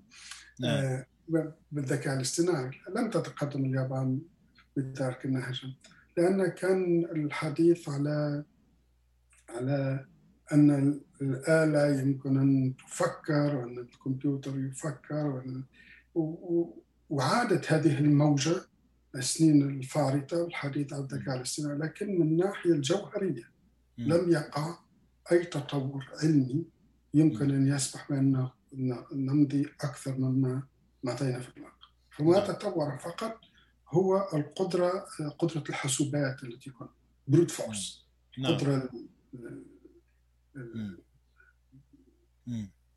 قدرة الحساب التي الحاسوب يمكن أن يقوم بها. فهذا كما تطور فأعطانا تقدم بعض الشيء لكن ليس تقدم مبني على أمور جوهرية. آه، فالعديد من الكتابات في ذلك الموضوع يمكن أن يراه الإنسان بأنها تقرب من وصفات الطبخ. kitchen recipes نعم. وصفات الطبخ. مم. هذه الفكرة ليست مبنية على العلم لكن هذا لا يمكن أخذه لأن أصبحت اليوم كلمة artificial intelligence تجمع العديد من الفروع من فروع العلوم مثلا. machine learning اللي هو آه، آه، اللي هو مبني على علم statistics علم حسابات نعم. لكن إنجازاته so ثم العديد من من من المشاريع العلمية اللي هي مبنية على آه، طلب الأموال لأن هناك حكومات رأت لابد لنا أن يكون مثلا آه، قدرة على data analytics كل الباحثين الذين يلزمهم مال لأن ليس هناك بحث علم بدون مال إيه. قاموا بتقديم أي شيء يمكن أن يقدم في ذلك الاتجاه وفي الذكاء الاصطناعي لكن هناك مواضيع جيدة في هذه المواضيع لا يمكن أخذ يعني لو لا تعميم باركوا أو لا أو لا مم. ادعموا هذا لكن هنالك بعض pseudo science المتواجد كثيرا مم. بالنسبة لي أنا وهذا يمكن أن أكون متشددا في هذا الموضوع والزملاء يعرفون. إذا لم تكن هناك رياضيات فالأمر مفروغ منه. فهو سفسطة خلصنا. هذا نظرتي أنا لكن أنا أعتقد أن العديد من زملائي لا, لا, لا, يشاركونني هذا الأمر لكن بالنسبة لي إذا إذا لم توطد ما تقوم به في الرياضيات فبالنسبة لي فهو هو علم بحت يعني مثل ما نتصرف مع الفيزياء وال biology وال nano technology كلها مربوطة بالرياضيات وال- والأمور هذه. آه، دكتور يعني أذكر في آه، كتابات دايكسترا اللذيذة اللي ما نمل ولا نشبع منها بخط يده طبعا. إحدى المقالات المرتبطة بحديثنا الآن كان هل يمكن لعلوم الكمبيوتر أن تنقذ السوق أو الصناعة؟ وكان يشتكي من من المبرمجين اللي كانوا بشكل معين اللي اخترعوا اللغات الأولى والأفكار الأولى والخوارزميات الأولى مستمرين إلى اليوم على نفس المنوال والناس اللي يتعلم إن البرمجة عبارة عن أمسك لوحة المفاتيح وخربط لين يشتغل البرنامج. تمام؟ في كارثة قاعدة تصير انتشرت وصارت حتى في الشركات الكبرى الآن اللي تنزل برامجها على الهواتف والحواسيب وعلى الأشياء اللي في إنترنت الأشياء وبعدين تخرب. تمام؟ آه هذا الشيء تكلمنا عنه مثلا في موضوع برمجيات العائلات اللي يمكن ينقذنا بالرياضيات. من ان الواحد يهجم على لوحه المفاتيح ويفكر واللي يصير يصير وبعدين نصلح المواضيع بال patches وال software upgrades and so on نربط هذه النقطه كذلك ب آه، مجتمع البحث العلمي هل يمكن ينقذ آه، السوق اليوم هل دايكسترا يتخيل مثلا ان إحنا راح نوصل للمرحله اللي وصلناها اليوم في بناء الاشياء وتسويقها okay العديد من النقاط آه،. التي آه، تطرقتم إليها مم. آه، فقط لمشاهدينا آه، تكسترا هو عالم حاسوبيات عالم حاسوب. هولندي ولدت آه، عام 1930 نعم وتوفي عام 2002 حسب. إذا ذاكرتي. جيدة. هو متحصل على Turing Award 1972 مم. آه، Turing Award بالنسبة للمشاهدين هو like هو مثل آه، نوبل آه،. جائزة نوبل لكن لعلوم الحاسوب لأنها نعم ليست آه، تحت جائزة نوبل آه، ثم آه، في في في لما تسلم جائزة نوب آه، تورينج آه، جائزة تورينج. آه، قدم آه، آه،. آه، The Humble Programmer مم. المبرمج المتواضع هو and نعم. uh, it present uh, uh, كانت تقدم ملاحظات على البرمجة ولأنه هو يمكن اعتباره أنه أبو البرمجة المنضبطة إيه البرمجة التي تكون أنا أتشبه البرمجة لأنها بلغات نشبهها بال لما تكتب برنامج كأنك كاتب موضوع كاتب ناخذ اللغة العربية كأنك كاتب. فيمكن أن تقول الأمر في كلمتين تكون معناها بفصاحة وإيجاز كبيرين نعم. وتكون بسيطه لكن موجزة وبليغة. ويمكن أن تكون ثرثره يمكن أن تكون ثرثره ثرثرة صفحات صفحات. فهذه الثرثرة نراها في البرمجيات. لما واحد يكتب برنامج يكون فيه العديد من أمور الثرثرة. فهذه الثرثرة هي مداخل خاصة في الأمن المعلومات. هي مداخل للشيطان مداخل لل مشاكل من يتطفلون عن البرامج ويسترقون الأمر أو يريدون ان يخلوا بالمنظومة. فلما تبني المنظومة بإيجاز يكون يمكن أن تقرأها وتنظر ما هو صحيح وخاطئ فيها ويمكن أنك تقيمها بطريقة رياضية أو من خلال التجارب. آه، آه، طريقة سهلة. فهو كان من أول من أو تطرق إلى هذا الموضوع أو يدافع عن هذا الموضوع. وهو الطرق الموطدة precondition postcondition ديجسترا guarded commands ينزل الأوامر المحمية. إيه. آه، هو معروف فيها أغلب المستمعين يمكن يعرفوها من لأنه هو من أتى ديجسترا shortest إيه. أقصر طريق في في شبكة. إيه. نعم. خوارزميه أقصر طريق في الشبكه نعم. هو هو آه، تكون على يديه. لكن ثم بعض النقاط اللي تربطنا باللي تحدثنا فيه من قبل. لما لاحظوا إنسان مفكر كما ديكسترا وتارسكي وميلز توني هو آه، الناس هذول قدموا الكثير لهذا العلم. آه، لكن لما تشوف تكوينهم تلقى من تكوينهم. آه، يبرز الخصائص للإبداع اللي تحدثت عليها. فمثلا تارسكي هو تكوينه كان theoretical physics معناها فيزياء نظرية فيزياء نظرية. كان له تكوين في الرياضيات جيد جدا. اشتغل في عديد الأماكن. كان في المكان تنجم تكون عندك هذه الخصائص لكن لم تجد البيئة الحاضنة. كان في آه، أماكن مكناته من أنه آه، تكون ليه بيئة حاضنة مثلا في آه، في الإنجازات مثلا لما اشتغل على operating systems. آه، آه، ولا تقديم الجول الجول 60 الجول هذا لغة برمجيات. كانت له العديد من من الانتاجات تشوف أنه تكون في بيئة تكوينة والبيئة اللي توجد فيها كانت بيئة حاضنه للإبداع. فهؤلاء الناس أبدعوا لأنه كانوا في الواجهة كانوا العديد من المواضيع. فمثلا العديد من من من المشاريع العلمية التي كنت مشارك فيها كانت بالنسبة لي جاءت من البيئة الحاضنة أو تحديات مفروضة من خلال ظهرت لي من خلال نقاشات مع ناس في في الصناعه صناعة البرمجيات. ف آه، آه، so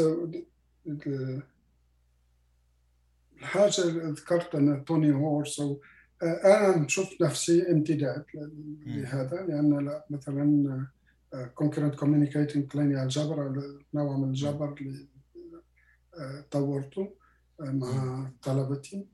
آه، هو امتداد لمنظومة توني هور اللي هو خدم مع Hoare logic خدم معنا Hoare logic اللي هي inspired from اللي هي معناها مشتقة ولا امتداد للعمل ديكسترا donc هذا يعني ارجو إني قد لا أنت غطيت كل النقاط. كل هذه النقاط. اي أنت غطيت النقاط وكذلك يعني موضوع قلق ديكسترا من تحول الأشياء العلمية إلى إلى الجانب التجاري أو الجانب العام ال pop culture تحول كل الناس مبرمجين اليوم. الحاجة الحاجة المهمة الحاجة آه، آه، هذا القلق هو هو قلق مشروع. آه، وأظن أن توني هور أجاب عن هذا لأنه توني هور أول حاجة أن العلم اللي كان يقدم فيه Hoare logic كان ناس في في الصناعة بيضحكوا عليه. هذا مين مين اللي يبرمج بيستعمل الطرق هذه؟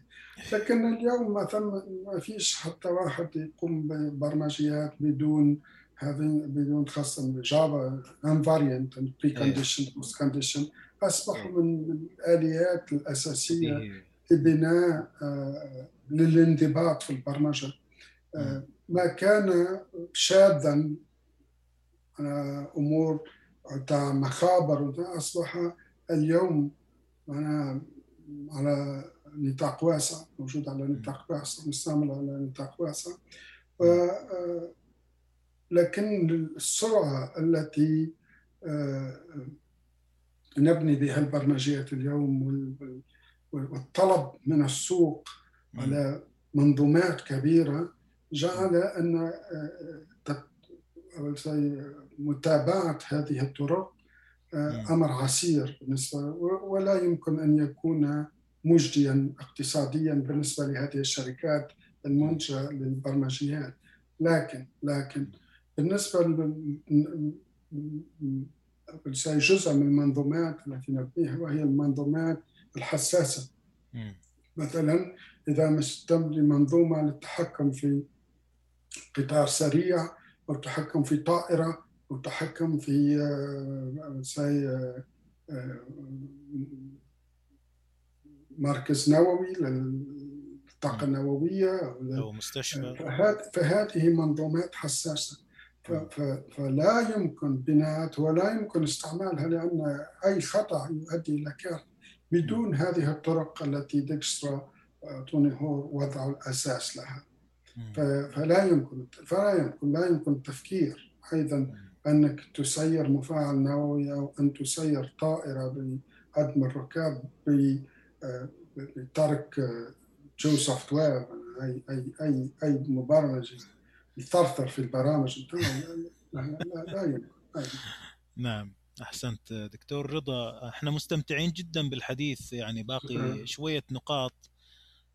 تحملنا شوية إحنا مستمتعين معك. أتشرف بهذا اللقاء أستاذ آه، دكتورنا آه، خلينا نتكلم شوية عن تحديات المجتمعات العلمية إنتاج المجتمعات العلمية والبحثية فكرة الأصالة وموضوع الفساد في هذه المجتمعات البحثية أو العلمية. وإيش إحنا نتوقع منها؟ الفساد أين يوجد الإنسان؟ يوجد الفساد. وأين يوجد المال؟ يدعم الفساد. نعم. لأن المال ماني كورابت المال يقول؟ يفسد. نعم. آه، فإذا أنت مثلا وضعت كيس من المال قلت من يعمل لي هذا الشيء؟ أعطيه بعض المال. نعم. فالكل سيجري بذلك منهم الصادق ومنهم الكاذب. نعم. ففي المجتمعات العلمية وخاصة وحسب رأيي من المآسي هو التي خاصة بعض العمداء وأنا كنت في مسؤول إداري رئيس قسم كان عندي نقاشات مع زملاء والحمد لله إحنا في جامعتنا أنا الأمور جيدة حسب تقييمي ليست كأنها جامعتنا لأنها كذلك. آه. هو آه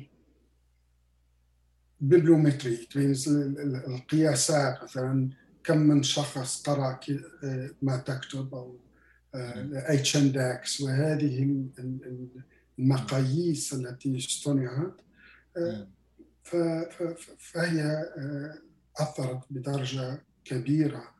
على الإنتاج العلمي الحقيقي وتركت الناس كأنهم يكتبون فقط لينشر وليس يكتبون لحل مشاكل يساهم للنشر فقط. نعم. فمثلا تجد أن بعض اشخاص يكتب مقال في الأسبوع ولا مقال في الشهر. نعم. أنا مقال في الشهر إذا كان هذا المقال مبني مكتوب بطريقة صحيحة بطريقة علمي بطريقة صحيحة. فهذا قدرات غير بشرية. نعم.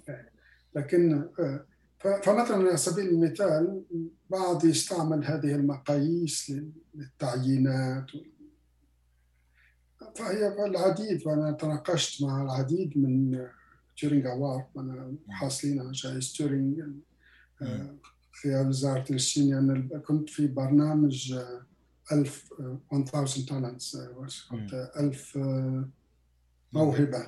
كانت الصين تطلب أشخاص من الجامعات الغربية تأخذهم الصين ليحتكوا بعلمائها وهناك كنت قابل عديد من الناس منهم Turing Award people تم يزورنا في جامعاتنا وكلهم ولما تاخذ مثلا واحد تورينغا اوارد آه، سيفاكس واني تجد أنه كتاباته ما هيش كبيرة العدد ما هوش كبير لكن كتابات في الصميم. نعم. فهذه أمور بعض العمداء يرتكزوا للتعيين والترقيه على هذه. لكن في جامعتنا قلت لك أن الأمور سليمة لأن أغلب زملائي يقرؤون ما ي... ما كتب ذلك الشخص قبل ترقيته قبل يطلبون من خبراء عالميين انهم يقروا ويتأكدوا من هذا. ذاك آه، معناها طريقة علمية. أنا نتذكر أن شخص قدم للترقية في جامعتنا والعميد قرأ قرأ ما كتب ذاك الشخص. فكانت نتيجته أنه لا يمكن هذا الشخص أن يستمر في هذه الجامعة لازم أن يغادر. لأن كتاباته كانت pseudo-science. آه هذا هذا مرض وهذا لا أظن أنه جديد على البشرية. لما ترى آه نضال نيوتن مع مجتمعه العلمي في ذلك الوقت كان مجتمع ظالم علميا وكان pseudo-science هي لأنها سهلة الفهم بالنسبة للعامه العامه لما تحكي لهم أمور على artificial intelligence I'm going to do this. uh, it's easy to get but الأمور العلمية الدقيقة لا يمكن فهمها. ولما تكتب لي مثلا كتابات ثقيلة من الناحية الرياضية فأنت تكتب إلى فئة قليلة في العالم. لا تكتب للعامة. ولذلك عدد القراءات والاستشهادات ستكون صغيرة بطبيعة الحال. لكن إذا تكتب في هذه المواضيع أنا أعطيك مثال مثلا paper في Fundamental Mathematica ورقة في Fundamental Mathematica Fundamental impact factor 3 3 around 3 وهي أكبر آه، مجله في الرياضيات. إيه. آه، من أكبر المجالات في الرياضيات. ولما تأخذ مثلا Cell وهي journal في البيولوجيا I think impact factor 30 لأن of dynamics a lot of things going. هل معنى ذلك أن مكتوب في الرياضيات في وجد طريقه أكبر مجلة في العالم في الرياضيات. أقل قيمة من واحد مكتوب في science لا فقط لابد من قراءة والحكم على ما يكتب الشخص. آه، دون هذه المغالطات. صحيح أن هذه المقاييس تدل. إذا كان مقاييسك مقياسك نازل كثير فهذا معنى أن هناك خلل. وإذا كان مرتفعا كثيرا فإن, فإن في الأمر إن. صحيح. هي غريب أن أن هذا الشيء انتقل من ال من البوب كلتشر أو الحياة الموجودة اليوم إلى المجتمع العلمي. يعني الآن عدد المشاهدات وهذا الفيديو منتشر وهذا ما أعرف الشيء الميم الفلاني منتشر. لا يعني إن الشهرة معناها الجودة يعني. غريب إن المجتمع العلمي المثقف المفروض والعالم يصاب بنفس المرض. الشهرة الشهرة لها عديد من العوامل قدرة الشخص على مخاطبة الناس. فهذه موهبة ليست لكل العلماء فأنا عرفت منهم درجة كبيرة من العلم ناس من درجة الذكاء وال say intuition. بديهة. درجة كبيرة لكنهم قدرتهم على المخاطبة لأنهم دماغهم مكون لذاك ذاك الأمر للأمور العلمية وليست للاتصالات تلقى أغلب هؤلاء الخطباء ناس جيدين في public relation. هذه ميزة جيدة جدا. أي نعم. أنهم لهم القدرة أن تبسيط ما يقومون به. هذه قدرة وهذه حاجة أنا تحسب لهم. أي. أمر جيد. هناك بعض الآخر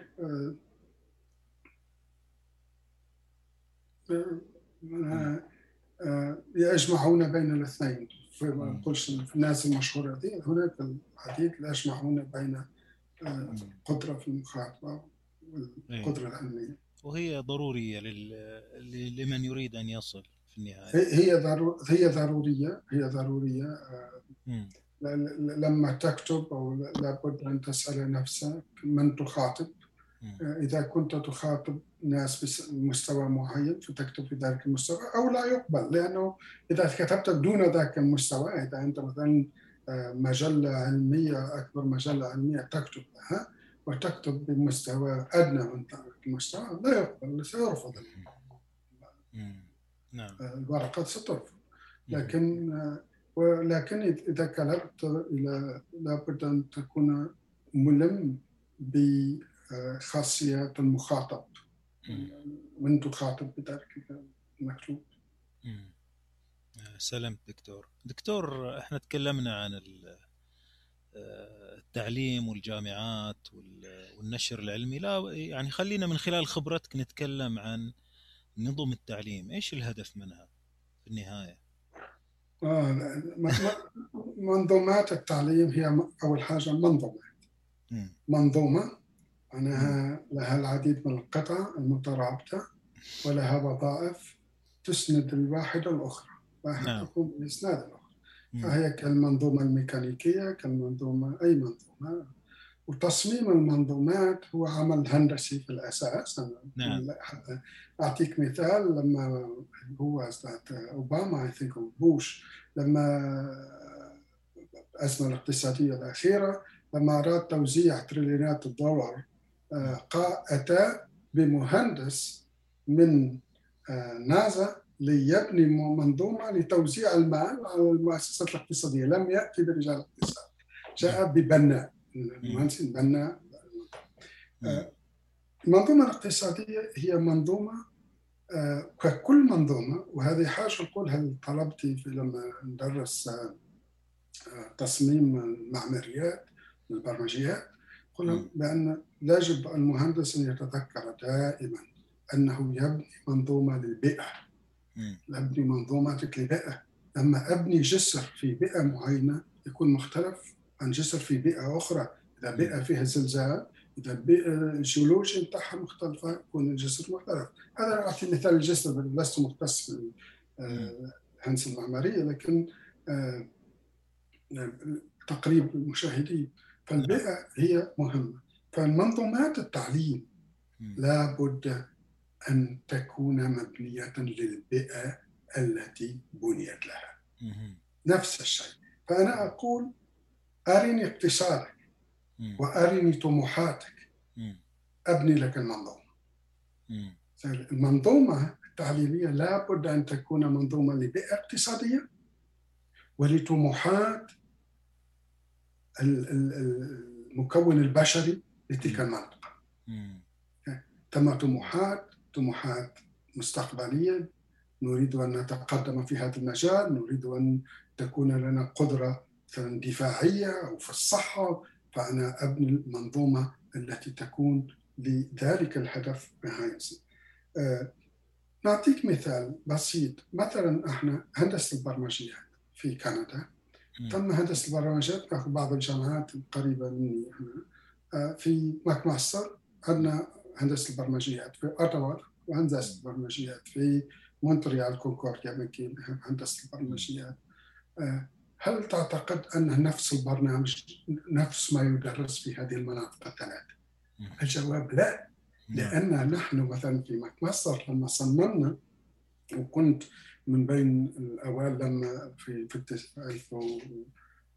في 1998 لما التحقت بجامعة مصر كان بناء البرنامج من التكوين المهندسين في هندسة البرمجيات آه، بناء كان مبني للمنظومة الاقتصادية التي حولنا. والمنظومة الاقتصادية التي حولنا هي منظومة للهاي تك يعني للمنظومات المحمولة نعم. Embedded systems. أي. لما تشوف مثلا في أوتاوا أوتاوا الواقع مختلف. الواقع هو أن أوتاوا هي العاصمه السياسية لكندا وهناك الإدارة الكبيرة وهناك المؤسسة العسكرية والمؤسسة الأمنية. فتكوين المهندسين في ذلك المكان يكون تكوينهم يرتكز أكثر على الأمور الإدارية والامور أمن المعلومات وغيره المرتبط بالاقتصاد. لما تنظر في مونتريال ماذا ترى؟ ترى هي شركات التأمين الكبرى فيقع تكوين الطلبة للمحيط والبيئة التي حولهم. فلا يمكن استيراد منظومة تعليم من أي مكان دون أن يقع كما لا يمكن استيراد آلة معمولة لتعمل في ظروف معينة مثلا في ظروف نقية تضعها في الرمال وفي في الغبار. لا يمكن تعمل.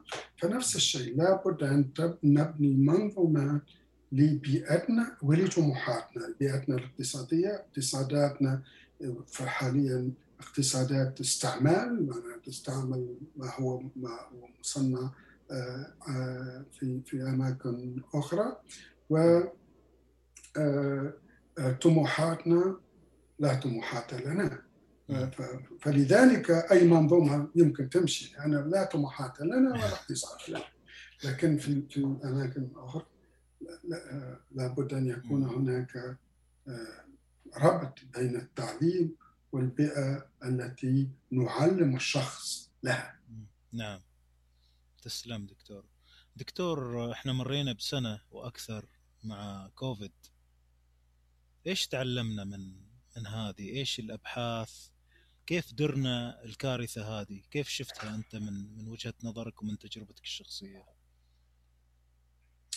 آه آه البشرية لأن هذا هذا أمر بشري مس كل البشرية.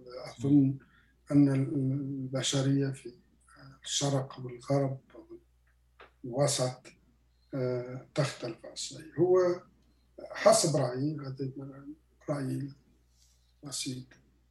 آه، أن الدرس الأول تثبيت الوعي بأننا نعيش في قرية. هذه الحاجة الوحيدة أن الثقافات أو المكونات البشرية اللي كانت تعتقد نفسها أنها متميزة وأنها معزولة وأن ما يحدث في أفريقيا وفي آسيا غير مهم لها آه، ولم وكان الوعي هو الوعي أن نعيش في قرية هذا بدأ آه، مدة لأن إحساسنا خاصة الطيران مرتبطين والاقتصاد العالمي الكل بأننا نعيش في قرية. لكن الوباء هذا الوباء من محاسن رغم المآسي والأموات شخصيا في عائلتي ابن عمي فقد بهذا الوباء. نسأل الرحمة له. نعم. آه، أن أن أن آه، إحساسنا بأننا كلنا كبشر مرتبطين ببعض مصيرنا مصير واحد. لأن فيروس صغير كهذا لا يفرق بين عربي وعجمي ولا يفرق بين مسلم وكافر ومسلم ومسيحي. لا يفرق هذا كلنا بشر. فهذا الوعي ازداد بهذا حسب رأيي. الحاجة الثانية هو قدرة الإنسان على تجاوز هذه المحن والصعاب والمشاكل كما هكا. فقدرة الإنسان بفضل علماء ورجال أعماله لأن اللقاحات اللي قاعدين نشوفوها هي أعمال علماء رجال أعمال. يعني علماء حتى كما أسلفت آه، في الحديث أن أن لا يمكن أن يقوموا بأي شيء بدون قوة المال التي تساندهم فكل البلدان التي بنت آه، آه، مخابر للقاح وإنجازه كان بفضل الأموال التي وضعوها فيها وبفضل الحلم اللي كان عندهم بأن يكون لكم استقلال في الدواء. آه، هذا الذي رجال السياسة قاموا به في الصين قالوا سنبني مخابرنا اللقاح في روسيا في العديد من بلدان العالم. فتلاحظ أن هذا يدل على قدرة الإنسان والعلماء. والأمر الثالث إعادة النظر في المنظومات الصحية حسب رأيي أنا. المنظومات الصحية أثبتت فشلها وأثبتت أنها غير قادرة أنها تعالج الأعداد الكبيرة من المرضى. والتفكير في طرق جديدة للتعامل مع الأمراض المزمنة في في جملتها. آه، نعم. وكان لنا هذا الشهر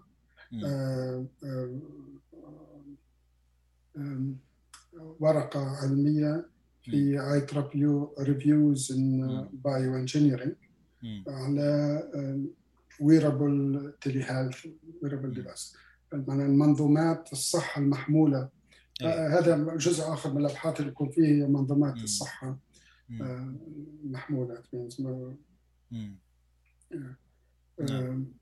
محمولة سنتمكن بإذن الله من البشرية ككل سنتمكن من ايجاد طرق جديده لمتابعه المرضى في منازلهم هذا هذا ما فمن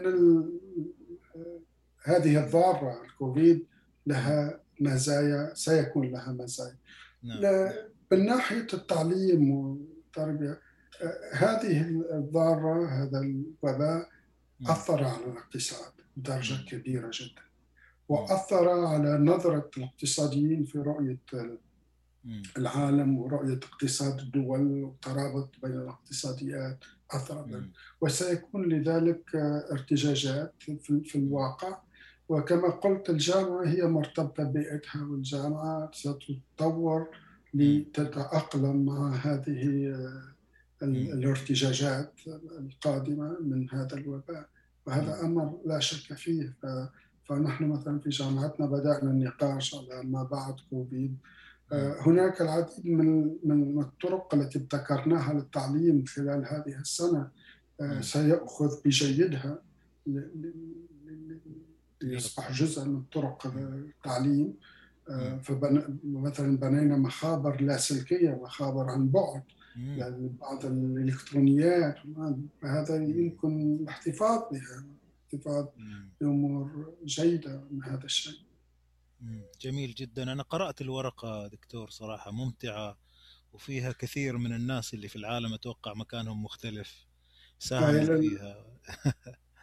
آه، صحيح. هو في العديد من الاختصاصات كتبتها مع ناس من electrical engineering آه، أطباء اختصاص في الأمراض المزمنة الامراض الصدرية.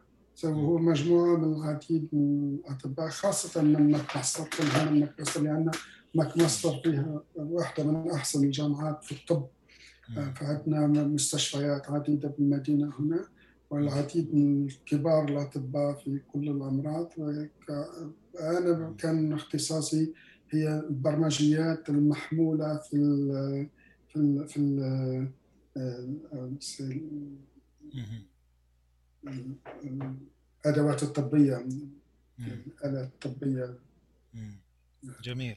هذا انجاز جميل. دكتور آه، خلينا قبل ما نختم نتكلم عن تصورك للجامعات العربية والمعاهد والبحث العلمي.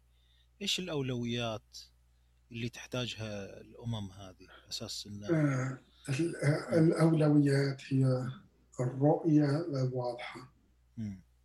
ما هي رتمتنا لواقعنا ولمستقبلنا؟ الحلم الذي قلت لك أن التطور العلمي لابد له من بيئة حاضنة. وهذه البيئة الحاضنة لها أبعاد عديدة. فالواضح أن في العالم العربي ليست لنا رؤية واضحة. أعطيك مثال. لما الصين أصبحت لها رؤية واضحة لأنها ستقود العالم علميا وصناعيا من قام بتلك الرؤية؟ هي القيادة. القيادة قامت بتلك الرؤية وأصبحت لها رؤية بأنها تنتج آه، مستلزماتها وتصدر وتقوم. ففي فترة تذكر أن في السبعينيات الصين كانت بها مجاعة كانت عالم ثالث أنا زرت الصين معناها في سنة 2000 وكان فرق بين الصين اليوم. أتذكر لما رحت لشنغهاي في 2015 آه، أول مرة كنت رايحة بجين قبل لكن شنغهاي أنا وهد تقدم في البنية التحتية في كان ذاك بإرادة أن كانت هناك رؤية كانت هناك وضوح. لما نلاحظ مثلا الصناعة 4.0 آه، اللي هي بدأت من, من, من ألمانيا. أصبحت هناك رؤية أمريكية رؤية هندية رؤية صينية لها. لكن لا وجود لرؤية عربية لأن لا وجود لفهم عربي لواقع ولا لطموحات عربية موحدة. هذه مآسينا هذا هذا حسب رأيي أنا المأساة الكبرى لأن كما قلت لك أرني اقتصادك ورني طموحاتك أبني لك المنظومة العلمية اللازمة لذلك so, uh, لكن لكن هذا لا لا يدعو لليأس. كما قلت بما أن خاصية هذه المنظومات المرتبطة بالبيئة العربية الواسعة هي بيئة مختلفة. مثلا البيئة في شمال أفريقيا تختلف على مصر تختلف على الخليج والمناطق الأخرى من العالم العربي فإذا ركزت كل منطقة على أصبحت لها طموحات محددة وأصبحت لها فعلا. آه، آه، وارتبطت أكثر باقتصادها وأصبحت ورجال الأعمال أصبحوا أكثر جرأة للاستثمار في في بلدانهم. هذا ضروري سيساعد التنمية في العالم العربي. لكن العالم العربي عالم له طاقات عجيبة طاقات كبيرة. نعم. لكنها من سوء حظنا في هذه الفترة لأن ذاك خدمنا في الماضي من سوء حظنا في هذه الفترة أنها مشتتة و... و... ولا يمكن في المنظور القريب تجميعها تحتاج شجاعة ورؤية فعلا. تحتاج شجاعة لا بد من رؤية قبل أن, أن تبدأ أي مشروع. آه، لما يكون لك شفنا بعض البلدان المجاورة للدول العربية بدون ذكر البلدان مشروع صناعي عسكري لأن التحديات فرضت عليها من الخارج فأصبحت لها بنية آه، تعليمية جيدة للعالم. نحن لهنا في نتخاصم من أجل افتكاك طلبه قادمين من تلك المنطقة. آه، فهذا لماذا؟ لأنهم بنوا المنظومة الصحيحة لاحتياجاتهم وأدى ذلك إلى تكوين جيد للطالب آه، من هذه الجامعات. وأصبحت جامعاتهم معروفة محترمة. آه. نعم. نعم اذا هو درس نتعلمه. إن شاء الله إن شاء الله. نعم. طيب دكتور استمتعنا جدا يعني بصراحة بحديث ما ودنا نتعبك معانا أكيد لنا لقاءات أخرى. لكن كيف الناس توصل إلى شغلك؟ يعني وين وين نشوف شغلك كتاباتك أبحاثك؟ لو في ناس مثلا تشتغل أه. مثلا وين أقرب طريقة للوصول؟ أقرب طريقة لا تمر عبر معي عبر صفحتي على الويب لأني لم أجددها منذ عشر سنوات. فأنا من الناس الذين يفتقرون إلى إبراز. لكن أي أي كان جوجل يمكنك من وجود بعض العناوين لكتاباتي العلمية. آه، فإذا كان أحد يرغب فأنا أمدح بها. يمكن أنها لم تكون فقط في المكتبات العلمية. وهذا نعم. ليس من متناول كل الناس. لكن لا أظن أنها تفيد العامة وسهل أنا أتكلم عن من يريد العمل في هذا المجال ويشتغل يتصل بي يتصل بي فأقدم سأقدم بإذن الله كل العون آه، للحصول على الأوراق والكتابات و بالتعامل نعم. مع علماء العالم العربي. وأنا يسعدني أني عندي علاقات مع ناس تشتغل في سلطنة عمان في تونس في آه، نعم. ممتاز. آه، دكتور إيش نسمع في الأخير قبل ما نودعك؟ آه، أم كلثوم. اختم بام كلثوم. إيش من أم كلثوم؟ رباعيات الخيام هذه مفضلة بالنسبة لي. ممتاز ممتاز. اذا راح نسمعها وفي النهاية دكتور أترك لك ختام الحديث ليكون ختاما مسكا. آه، أود آه، ختاما أن أشكرك على هذه الفرصة لأني آه، كنت منعزل على عالم العربي وهذه أنا تسمح لبعض المشاهدين العرب أن من خلال تجربتي المتواضعة في الحياة التي هي كما ذكرت في بعض العديد من المراحل أنها كانت ليست لي دور فيها. هي مشيئة الله سبحانه وتعالى لم يكن لي دور. وأن أقول للشباب الحاجة المهمة أعطي لنفسك هوية. أعطي لنفسك هوية. وعش بتلك الهوية. نعم. إذا كنت أن تكون مهندس عش بهوية المهندس تعلم كل ما هو في مجالك. إذا كنت ميكانيكي إذا كنت تاجر إذا كنت ليس فقط فهذه حاجة من الأمور اللي غيرت حياتي بالنسبة لي. أن نعم. أن في بعض الحالات يأتي بعض الأصدقاء يقول آه لا خلينا نستثمر في هذا ولسن أضحك له أقول له أنا أنا أستاذ أنا لست تاجر. هذه هويتي. أنا أنا لست يتحدث معي في السياسة. أنا أنا هذه هويتي. أنا أستاذ. اسال أجاوبك. ما, ما عندي ما عندي ما عندي ما عندي أنا تصبح تصبح فإنها طريقة حسب الأسرع أن آه، تكون متميز في في في ما تعمل. ان تكون تعيش هويتك وتعمل من أجل تلك الهوية لتقويتها.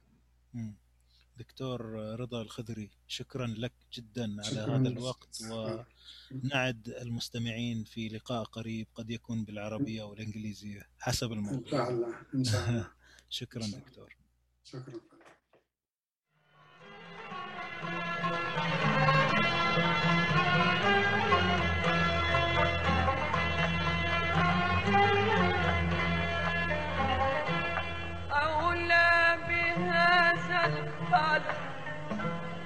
أن يخفق أولى بهذا القلب أن يخفق